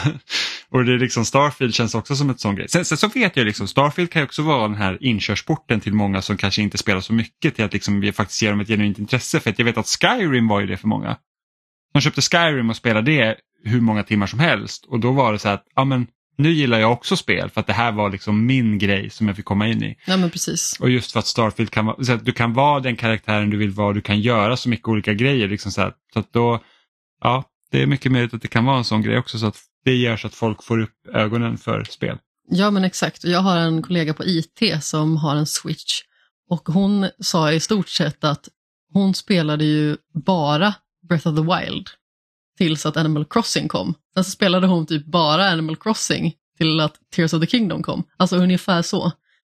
Så med jämna mellanrum så byter hon liksom ut det hon lägger mest tid på och har liksom kanske en titel att fokusera på och lägga mycket tid och kärlek i. Och jag kan ändå se att det finns något väldigt fint i det. Att man hittar det. verkligen så här sin grej. jag får ångest när jag tänker på Animal Crossing dock. Jag vet inte, jag vet inte veta min ö ser ut. Jag har ibland funderat på att starta mitt GameCube och hoppa in i Animal Crossing till GameCube i den bilen. Där har jag inte varit sedan typ 2005. Alla är döda. Vad gör? Jag kommer till en jävla, jävla gravgård liksom. Var det fyra av fem för det också, eller? Ja, en svag fyra. Mm, okej. Och det är mycket på grund av att jag hade gärna velat se lite mer gameplay. Eh, Ja, jo, verkligen. Så. Sen är jag lite, lite besviken på att man inte fick någon liten Gears tease. Ja, det hade varit nice. Äh? Även om jag faktiskt liksom, jag kan ändå uppskatta att man lägger krutet på de här titlarna och inte har liksom den här, visst Starfield är ju ett sånt spel som liksom det kommer få väldigt mycket bass eftersom det är liksom ett, ett från Bethesda ett nytt IP men det är liksom inget det är inget spel som tar över från de andra spelen sen för att det, det känns igen. Liksom. Jag kan tänka mig att ett, pot- ett potentiellt Starfield 2 hade liksom såhär, åh, då är liksom alla pratar om det, eller så hade Gears teasat så hade liksom, det hade liksom, det hade nästan överskuggat mycket annat tror jag. Jo, men det, det är ändå lite liksom en aspekt av det som imponerar mig också. Att man lyckas liksom göra en så bra show utan att luta sig tillbaka på Gears eller Halo eller vad det nu kan vara. Ehm. även om jag såklart jättegärna hade sett mer eh, något Gears. För att nu känner jag att det börjar bli... Jag börjar bli jävligt redo för ett nytt Gears. Alltså riktigt jä- jävla redo för ett nytt Gears. Ja. Ehm.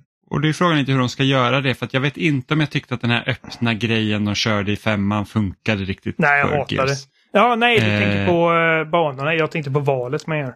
Ja, va- valet var ju, valet var ju bara dumt. Men, eh, men jag Ja, tänkte på ja, banorna. Jag gillar Alltså för att, är, är det att de får utveckla det konceptet för att det är så att det hade funkat bra om de linjära delarna hade haft liksom samma tempo som de haft tidigare men de, hade, alltså de var också så lugna emellanåt så att jag kände att de öppna delarna liksom, de behövdes inte riktigt i det. Uh, ja. jag, jag, jag, jag, gillar det. Uh. De öppna delarna tyckte jag mest kändes som att de fanns där för att dryga ut upplevelsen och visst, de var väl snygga, men jag tyckte att det blev tjatigt fort.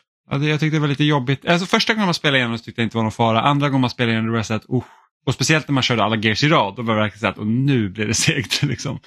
Eh, men ja. Projektet 2020. Jag tycker ja, att både men... fyran och femman har växt avsevärt eh, sen, liksom sen första gången jag spelade dem.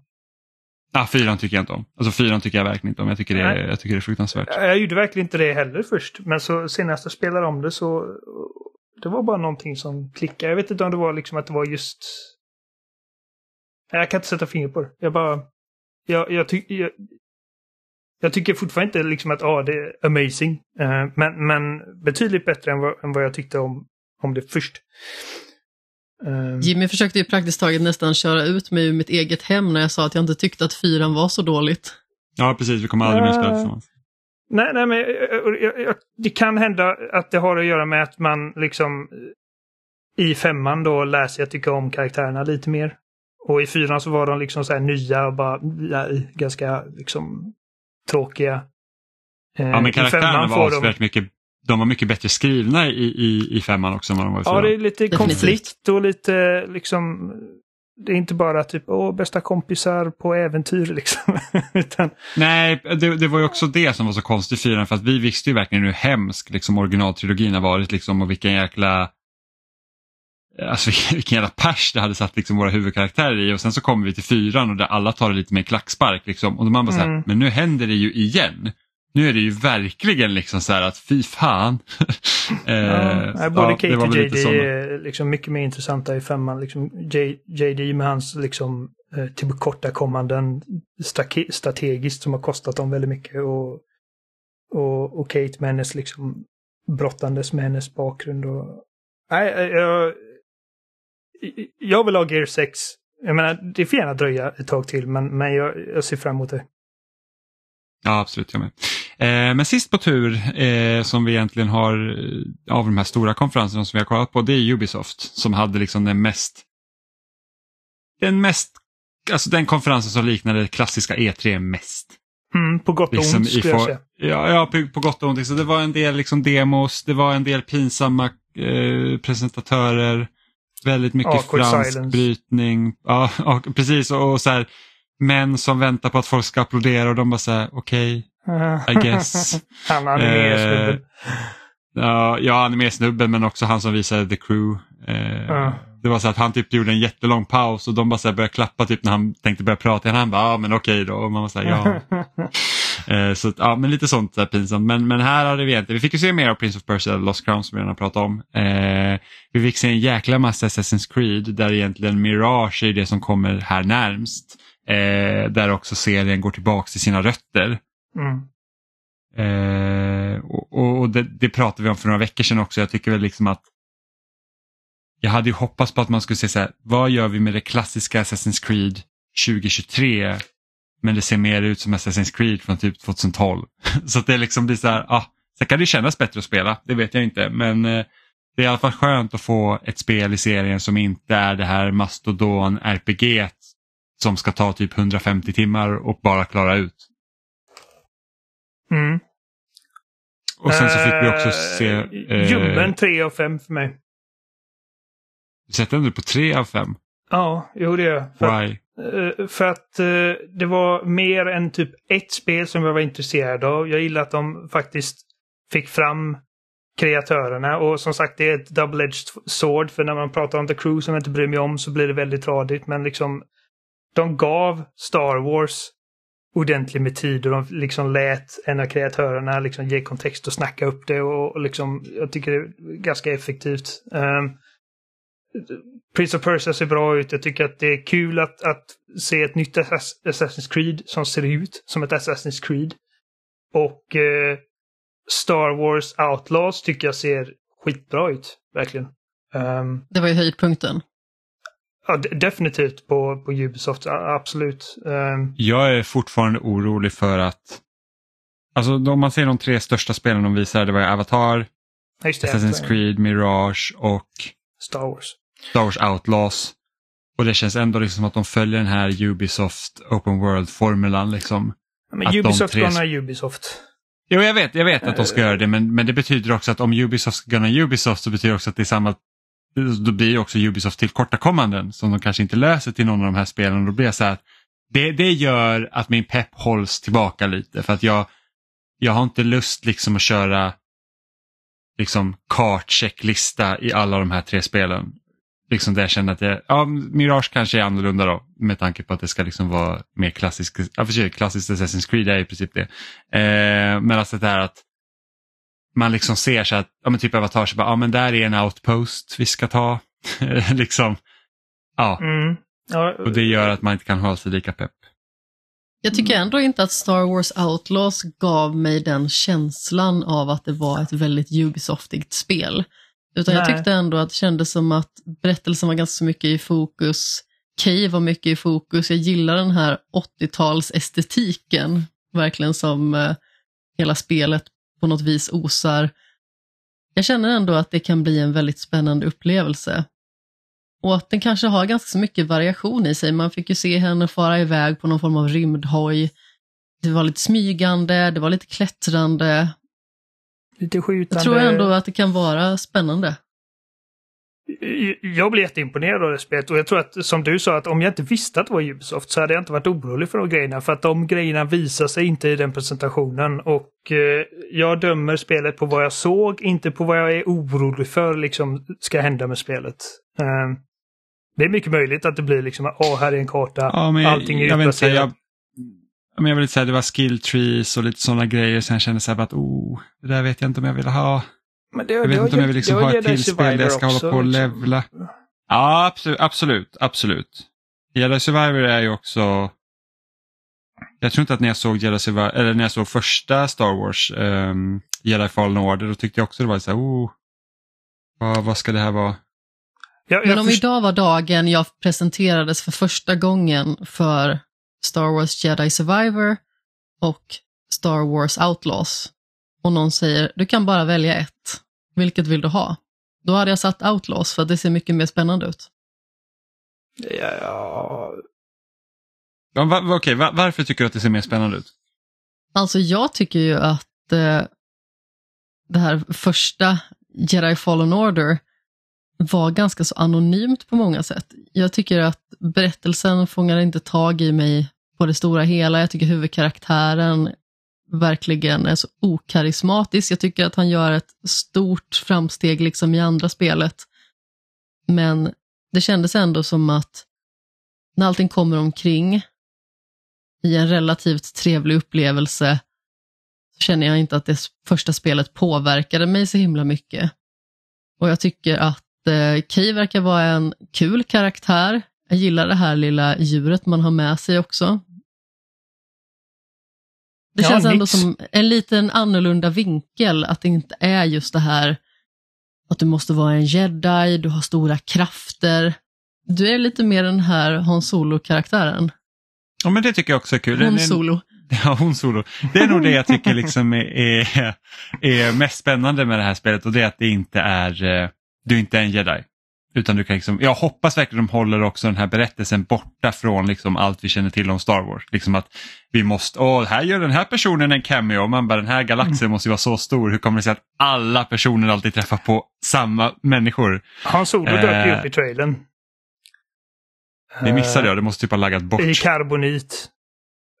de, vev, ah, okay. de rullade ut honom eller vad fan det var. Ah, okay. Så ah, men, det utspelar okay. sig mellan. Empire Strikes Back och Return of the Jedi. ah. uh, men, kanske får rädda, försöka rädda Hans Solo. Det kanske är ett uppdrag där. Vi bara, vi, den här prisjägaren måste vi rädda och sen misslyckas vi. Ja. Så, har vi, så är cirkeln sluten. Kanske Luke hoppar upp där. Men jag älskar eh, Respawns Jedi-spel, men det här känns som en perfekt, liksom, den andra sidan av spektrat för liksom AAA, liksom action Star Wars-spel. Uh, och och det, liksom, det, det kliar lite samma itch som jag fick när jag såg Star Wars 1313 första gången. Um, Mm. Någonting mer liksom att ja, du, du är liksom en, en person som bara försöker liksom hitta sin väg i den här galaxen. Du har liksom inte ett massivt ehm, liksom en massiv bloodline att leva upp till eller, och, eller massa liksom enorma ansvar för någon jedi-order eller någonting. Utan du, du och dina närmsta liksom ska klara dagen i den här väldigt liksom dy, eh, dysfunktionella galaxen som vi alla älskar så mycket. Och jag jag reagerar också på, som, som Amanda pekar på, liksom att uh, variationen i liksom att det börjar liksom som en liten stealth-sekvens stealth, uh, som sen bröt ut i en firefight. Jag tyckte det såg kul ut och sen hoppar hon ut på sin speeder och det såg också coolt ut och sen så hoppar vi ut i skeppet och där räknade jag inte med um, en liksom nästan sömlös transition ut till rymden. Jag, jag antar att man inte får styra ut skeppet själv. Utan att det händer liksom. Men, men, men det var en jävligt snygg övergång. Helt plötsligt så är vi i rymden och vi har liksom en space battle. Um, och det, det känns liksom stort på ett spännande sätt. Inte liksom att, ja, nu, nu ser jag fram emot att ha liksom 700 flaggor att samla utan liksom bara scopet på vad du, vad du kommer få göra i spelet och de olika världarna du kommer få besöka. Och jag håller med Amanda om jag tycker att protagonisten ser spännande ut. Och att det är liksom en en tjuv i princip. Liksom att det, det, det, det, ramas in som en heist-berättelse. Vilket jag tycker är spännande. Jag älskar sånt. Um, ja, jag hoppas verkligen Jag hoppas att det blir bra såklart. Det... Mm. Och det är liksom kul om... Eh, utom Division som jag kände liksom att spännande koncept men jag tror att liksom det, de föll lite på att det skulle liksom bli någon sorts live service Destiny. Um, alltså jag, jag tror verkligen att det spelet gick från att vara typ så här, det var tanken typ att vara ett, ett um, Urban Daisy och sen så ja. blev det Destiny. Ja, så, så jag, jag känner liksom att jag, jag är inte inte övertygad om att Massive nödvändigtvis kommer göra ett spel som känns jätte-Ubisoft. Jag vet inte om jag tycker att Division känns jätte-Ubisoft i sin liksom struktur. Det finns, det finns en del Ubisoft i Division. Jo, det är klart, men det finns det i Horizon också. Eh, eh, men då är bara frågan, ja men Horizon är ju som ett eh, Assassin's Creed. Det är ja, inte konstigt. Det, liksom, det, det, den liksom, ska man säga, open world-strukturen har ju liksom blivit över till liksom 90% av alla de här grejerna. Så att... Men utvecklar alltså Massive både Star Wars Outlaws och Avatar? Ja.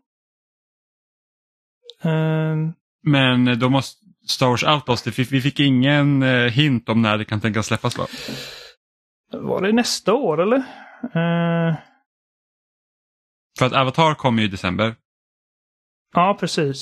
Så det har ett datum och uh, da, da, da, da, Outlaws. Är det bara nästa jag år. eller ser Avatar gräsligt tråkigt ut? Ja, det är nästa år alltså. Det, ja, det, kan, det är imponerande. Menar, det kan ju mycket, mycket möjligt skjutas liksom. Um, jo, absolut, ut. men det är ändå men... imponerande att, att de liksom har så två stora spel som ska släppas så tätt in på varandra. Eh, men ja, Avatar, om, man, om, om då jag tycker att Star Wars Outlaws ser ändå lite, lite för mycket Ubisoft ut så är det ingenting mot vad Avatar känns som. För det känns ju som ett eh, Far Cry. Oh. Jag snarkade vaken på det alltså. Det var så ointressant och just att de också har valt att ha det i en första persons vy. Kan inte för mitt liv begripa det. Nej, det väntar jag mig faktiskt inte. Um, men alltså, kolla, det, det fick inte mig att, eh, att liksom hoppa i brallorna direkt. Men, men jag skulle inte säga att jag tyckte att det såg risigt eller, eller hysteriskt tråkigt ut. Jag, jag, jag, jag gillar i och för sig världen Pandora mer än vad jag förmodar att ni två gör. Jag tycker att den är jävligt cool. Och eh, Ifall det här spelet kommer ut och det får liksom en typ så här, sju i snitt, då kommer jag nog inte bry mig om det särskilt mycket. Men liksom ifall det kommer ut och folk gillar det uh, så kan jag tänka mig att ge det en chans. Um, att rida jag runt förutser här... jämna sexor. Ja, ja men då, ja, då slipper jag kolla in det. inte mer emot. Uh, men... Jag har, jag har ju så svårt, alltså det, det är det som är så himla lustigt med Avatar för att det kan ändå tycka att världen kan se nice ut. Jag tror att, liksom att det kändes ju lite så här Zelda-vibbar när man fick flyga runt på den här eh, Ja, jag tyckte det såg coolt ut. eh, på den här liksom eh, flygande draken typ. Men, men samtidigt, och sen så är det de här jäkla vapnen liksom som kommer in och man var så här, ja. Ja. Och jag förstår ju varför, men det är ändå så här, det, det, det, liksom, det, blir, så, det blir så märkligt. Ja, nej, jag tror att det finns en hel del grejer man kan göra cool, liksom med det här typ att när man typ parar sin fläta med olika djur. Och jag tror att det kan bli liksom en... Jag ser potential för en del roliga ögonblick. Uh, ja, absolut. Men... Uh, jag är nyfiken. Jag är också nyfiken, men, men, men det var liksom inte... Ja, eftersom det är lätt att jämföra detta med Star Wars eftersom att det är liksom samma studio. Jag vet inte om det har Massive liksom fler studios eller är det bara den i uh, Skåne? Malmö. Ja, det ligger i Skåne. Ja, jag vet, men det där verkligen så, här, så att det, det, är typ så här, bara, ja men eh, det är typ som att säga att allt, allt eh, USA är Amerika liksom. Eh, vad var det jag tänkte på? Jag, jag bara tänkte på det att jag kommer ihåg när det kom någon bild på den här eh, innan vi visste vad Switch var för någonting och någon hade gjort en sån här mockup, den här fula jävla ovala eh, maskinen. Kommer du ihåg den Mm, Oliver? ja. Eh, och när någon hade liksom fotat den och så såg man så här reflektion över typ någon, ja men typ allé utanför och då hade folk parat ihop den med liksom Massives kontor för att det liksom såg likt ut. Ja, det var sjukt. ja. Eh, vi ska se vad Massive har för studios. Sen Nej, så, om om sen så- båda de här spelen det- görs liksom. Alltså det är en miljard Ubisoft Studios som säkert hjälper till på de här. Jo, precis. Eh, Men ändå liksom att det, det är ändå två ganska, alltså till synes ambitiösa projekt. Så att, eh, men av de här två Nej. så tycker jag definitivt att Star Wars ser mer spännande ut. Men, men det har ju också med att göra att jag är så jävla mycket mer förtjust i Star Wars än vad jag är i Avatar. Eh, Ja, som jag kan se i, på Wikipedia då, så är det ju bara så är det Malmö då. Ja. Eh, men det står Headquarters Malmö, Sweden, så jag vet inte om det betyder liksom att det kanske finns något annat också. Eh, en annan grej som också är helt chockad för mig är att Massive grundades 97. Ja, de har funnits längre än man tror. Liksom. jag Alltså, jag Division trodde att de var en första. ganska ny. Nej, jag trodde att de var en ganska ny serie. De, de eh, har utvecklat eh, Ground Control var liksom deras eh, serie som jag är på med. Så 2000 kom Ground Control och sen Dark Conspiracy, samma, jag en expansion. 2004 Ground Control 2. 2007 gjorde de World in Conflict. 2009 World in Conflict, Sovjet Assault. World in Conflict, var inte det här typ flygspelet? Jag, jag känner igen Minst. titeln och jag, jag ser Ja. boxarten framför mig men jag, jag, jag spelar aldrig så jag vet inte. Nej, och sen 2014 fick de göra Just Dance Now till Android och iOS. Apropå Just Dance, Ja, det är en av de grejerna som hänger med en mest från den här visningen. Det var den här Hej, vi har roliga timmen i femman dansuppvisningen som typ inleder hela showen. Det känns liksom som att det är ett gäng med fem tjejer som kallar sig typ Strawberry Ponies eller någonting och de har gjort en dans till valfri typ Britney Spears eller dylik låt. Ja, ja det, är väl, det var inte det mest spännande på show. Alltså absolut, det var inget fel på dansarna i sig. Det var bara liksom själva auran där i allmänhet. Alltså det kändes väldigt B. Jo, men Just Dance är stort som fan. Alltså, eh, ja, att det fortfarande Det är tror jag absolut. ja. Ja, det är helt otroligt. Jag tror att det är inte länge sedan. Det är inte många år sedan de slutade utveckla Just Dance till Wii. nej. Jag tror att det är typ den serien som har pågått längst på den konsolen. Eh, ja. Jag ger nog Ubisoft en 3 av 5 eh, också. Ja, ja. Mm, tycker att det är liksom, ja men det är lite så här, att ja, deras spel är lite för snarlika. Eh, Jo, det, och det är ett problem som de har brottats med ett tag. Men eh, Ja. Men, men som sagt, jag, jag ser fram emot Mirage, jag, ser, jag, jag är nyfiken på, på Avatar. Det ska också kunna spelas i co-op och då hoppas jag att det är riktig co-op och inte värdelös Far Cry co-op. Eh, Ja, precis.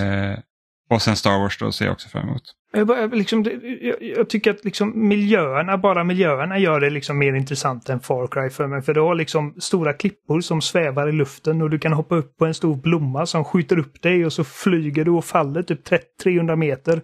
Och så hamnar du på nästa ö och så flyger du någon jävla typ drake eller något. Bara, det, jag tycker att... Jo, men jag spelar alldeles för många japanska rollspel för att liksom bli imponerad av sånt. Känns det som. Okej. Det är liksom flygande plattform i luften. Ain't got nothing on me, så jag bara. eh, ja, men eh, det var egentligen typ det vi hade sett från E3 i år. Eh, och jag, och det, det kommer ju säkert spilla ut liksom mer under veckorna som kommer så vi kommer säkert ha mycket mer att prata om. Det jag tycker är så tråkigt när det inte liksom blir det här eventet på plats på samma sätt, det är det att man missar ju mycket av de här intervjuerna Mm. under E3-dagarna. Liksom, där typ IGN har igång hela sin show liksom, från morgon till kväll varje dag under E3 och, och så. så det är lite synd när, när kommunikationen helt och hållet liksom kan hållas med eh, inom företagen. Liksom att det är så att ja, men vi visar upp vårt och det är det. Typ. Även om det såklart har släppts intervjuer efterhand men det är inte riktigt på samma sätt.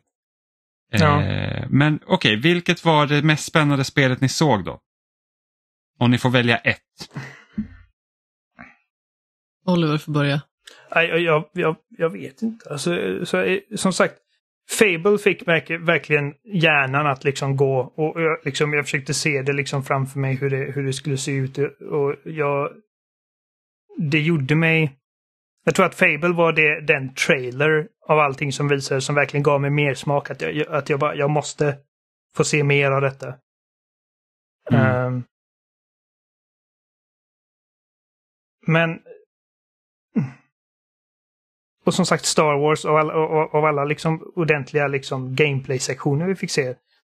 Så var det ju Star Wars som, som, eh, som gjorde mig mest upphetsad. Eh, eh, Det är, det är svårt för att, för att inget spel verkligen det är inte lika lätt så här. Nej, inget spel verkligen så här skriker Game of the Show eller något sånt där du vet. Ehm, men ehm, om vi ser, liksom, ifall jag fick välja ett spel som är bara okej, du får spela det nu, den färdiga produkten. Ja, Så hade jag nog valt Fable, ärligt talat. Amandut. Ursäkta mig. Amanda. Jag gillar dina ögonbryn och gick från att vara till två raka streck till att bli liksom så här som ett A. Va? Game of show. beteende? Jag tror att om jag behöver välja ett spel så är det nog Dungeons of Hinterberg. Det kändes som det spel som absolut talade till mig mest. Rent estetiskt, spelmekaniskt och eh, det kändes som att det verkligen osade Amanda-spel. Sen så har vi börjat smygkolla lite grann på Wholesome Direct också. Vilket naturligtvis är någonting som jag kan rekommendera folk att kolla på för att det är väldigt liksom eh, trevlig och mysig stämning och sådär. Men någonting som jag hade sett lite granna eh, vid sidan av, det är liksom inte det spel som jag absolut vill ha mest, men eh, någonting som såg spännande ut och vi vill bara lyfta fram det, det var Magical Delicacies. Det är någon form av tvådimensionell plattformare där man samlar på sig saker för att kunna göra olika typer av maträtter eller någonting i den stilen. Det såg väldigt trevligt ut. Och sen naturligtvis som en älskare av unpacking. Har man inte spelat det och eh, vill spela det på ett väldigt tillgängligt vis så kommer det till telefon och eh, plattor. Så eh, ta gärna en kik på det. Älskade det spelet. Det finns naturligtvis på Playstation och Xbox och sådär sedan tidigare men eh, ville bara peta lite grann om det för att det är en väldigt eh, underbar upplevelse som berättar en intressant underliggande berättelse ur ett väldigt eh, meditativt och mysigt perspektiv. Så när man börjar spela spelet så tänker man bara på att ja, men nu ska jag plocka upp alla mina saker, men det säger så himla mycket mer om den personen man spelar längs med vägens gång. Jimmy då? Ja, det här var ju svårt. Ehm, det känns nästan som att jag skulle liksom vara tråkig typ att säga Starfield, men jag känner liksom inte riktigt så för Starfield så jag skulle vilja välja Starfield. Om du förstår vad jag menar? Ja, jag förstår vad du menar. För att liksom, Eh. Det var imponerande, vi fick se mycket av det, men, men Men det är liksom inte så här bara att jag måste ha det nu. nej. Då tror jag nästan att jag måste välja Ja, jag, tänker, jag tänker inte välja Citizen Sleeper 2 eftersom jag eh, liksom knappt har sett något av det. Ehm, men det får nästan bli Final Fantasy 7 Rebirth. Jag tror Ja. att med remaken i, i färskt minne så är det, liksom, det är nog det jag liksom ser mest fram emot av de spelen som visas på de här konferenserna. Faktiskt. Tätt följt av Prince of Persia tror jag. Ja, kul. Jag tror att anledningen till att inte jag säger Citizen Sleeper 2 just nu, det är ju bara för att det är en uppföljare och Dungeons of Hinterberg är liksom helt nytt. Så det är därför det känns som att det är liksom mest fräscht och spännande i minnet. Ja. Men det var årets inte riktigt E3 helt enkelt. Så får vi se om vi någon gång kommer liksom kunna kalla ett, ett, ett av de här avsnitten för E3 igen. Eh, det är lite oklart. Men eh, jag tror nog nästan att vi alla håller med om varandra att, att, att man saknar ju ändå det klassiska E3. Ändå. Ja, jo, jo, men det gör man ju. Liksom man, har, Mm. man har den här veckan och det är alla liksom är på topp och det är liksom inte utspritt över hela sommaren. Liksom. Ja, men samtidigt så känns det som att vi inte haft det klassiska E3 på många år nu. Ehm, Ja, det är ju tredje året i rad nu. Det är 2019 nu senast. Jo, men även liksom när det fortfarande var tekniskt sett E3 så var det okej, de här drog sig ur och de här är inte med och liksom... Ja, Eh, jo det är sant. Det är sant. liksom- Men du hade fortfarande liksom det här showen så att folk hade intervjuer och grejer. Ja. Men vi får se. Spännande. Nästa vecka kommer vi prata om Diablo 4 som både jag och Amanda spelat och eh, om jag inte har helt fel nu så skulle vi försöka få in Adam och prata lite om Systern Shock också. ja, just det. Ja. Ja, det- är bra att du kommer ihåg Oliver. Mm. ska prata med Adam. Jo, man med. Ehm, Precis. Och som sagt, ni har ju säkert märkt att det här är inte ett onsdagsavsnitt, det är ett torsdagsavsnitt bara för att vi skulle hinna se eh, lite mer. Då. Annars hade det blivit lite rumphugget. Eh, Ja, Johan eftersom lat orkar inte liksom... Nej, precis. Han, han tänker på inte två sätta sig timmar. nu så här typ 2011 och bara så här nu trycka ut det här. Ja, det är dålig stil. Dåligt engagemang. Ja, verkligen. Eh, Det får vi ta upp med bossen. Ehm, Men ni hittar oss som vanligt på Spelsnack- ni hittar oss som vanligt på spelsnack.com. Där finns också alla länkar till där vi finns som Spotify, Apple Podcast, Facebook, Instagram, Youtube, loading.se där vi läggs upp varje vecka. Vi, ehm, MySpace. MySpace, ja precis, MySpace. Eh, ni kan också kommentera på de ställena. Eh, skicka ett mejl till oss på spesnack, nej, kontaktet spesnack.com.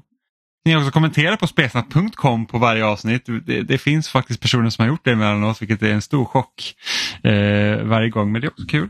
Berätta Eh, vad var ditt eh, veckors- Game of the Show är. Ja, precis. Har, ni- har, ni, har ni ett spel som ni känner så bara, det där vill jag verkligen, eh, det där gillade jag. Eh, så skriv, det kan vara kul att eh, höra varför, helt enkelt. Så hörs vi igen nästan om en vecka. Det blir lite, det blir lite snabbare mellan avsnitt den här gången för vi hörs nästa onsdag. Så säger vi hej då! Puss i ljumsken. Tjo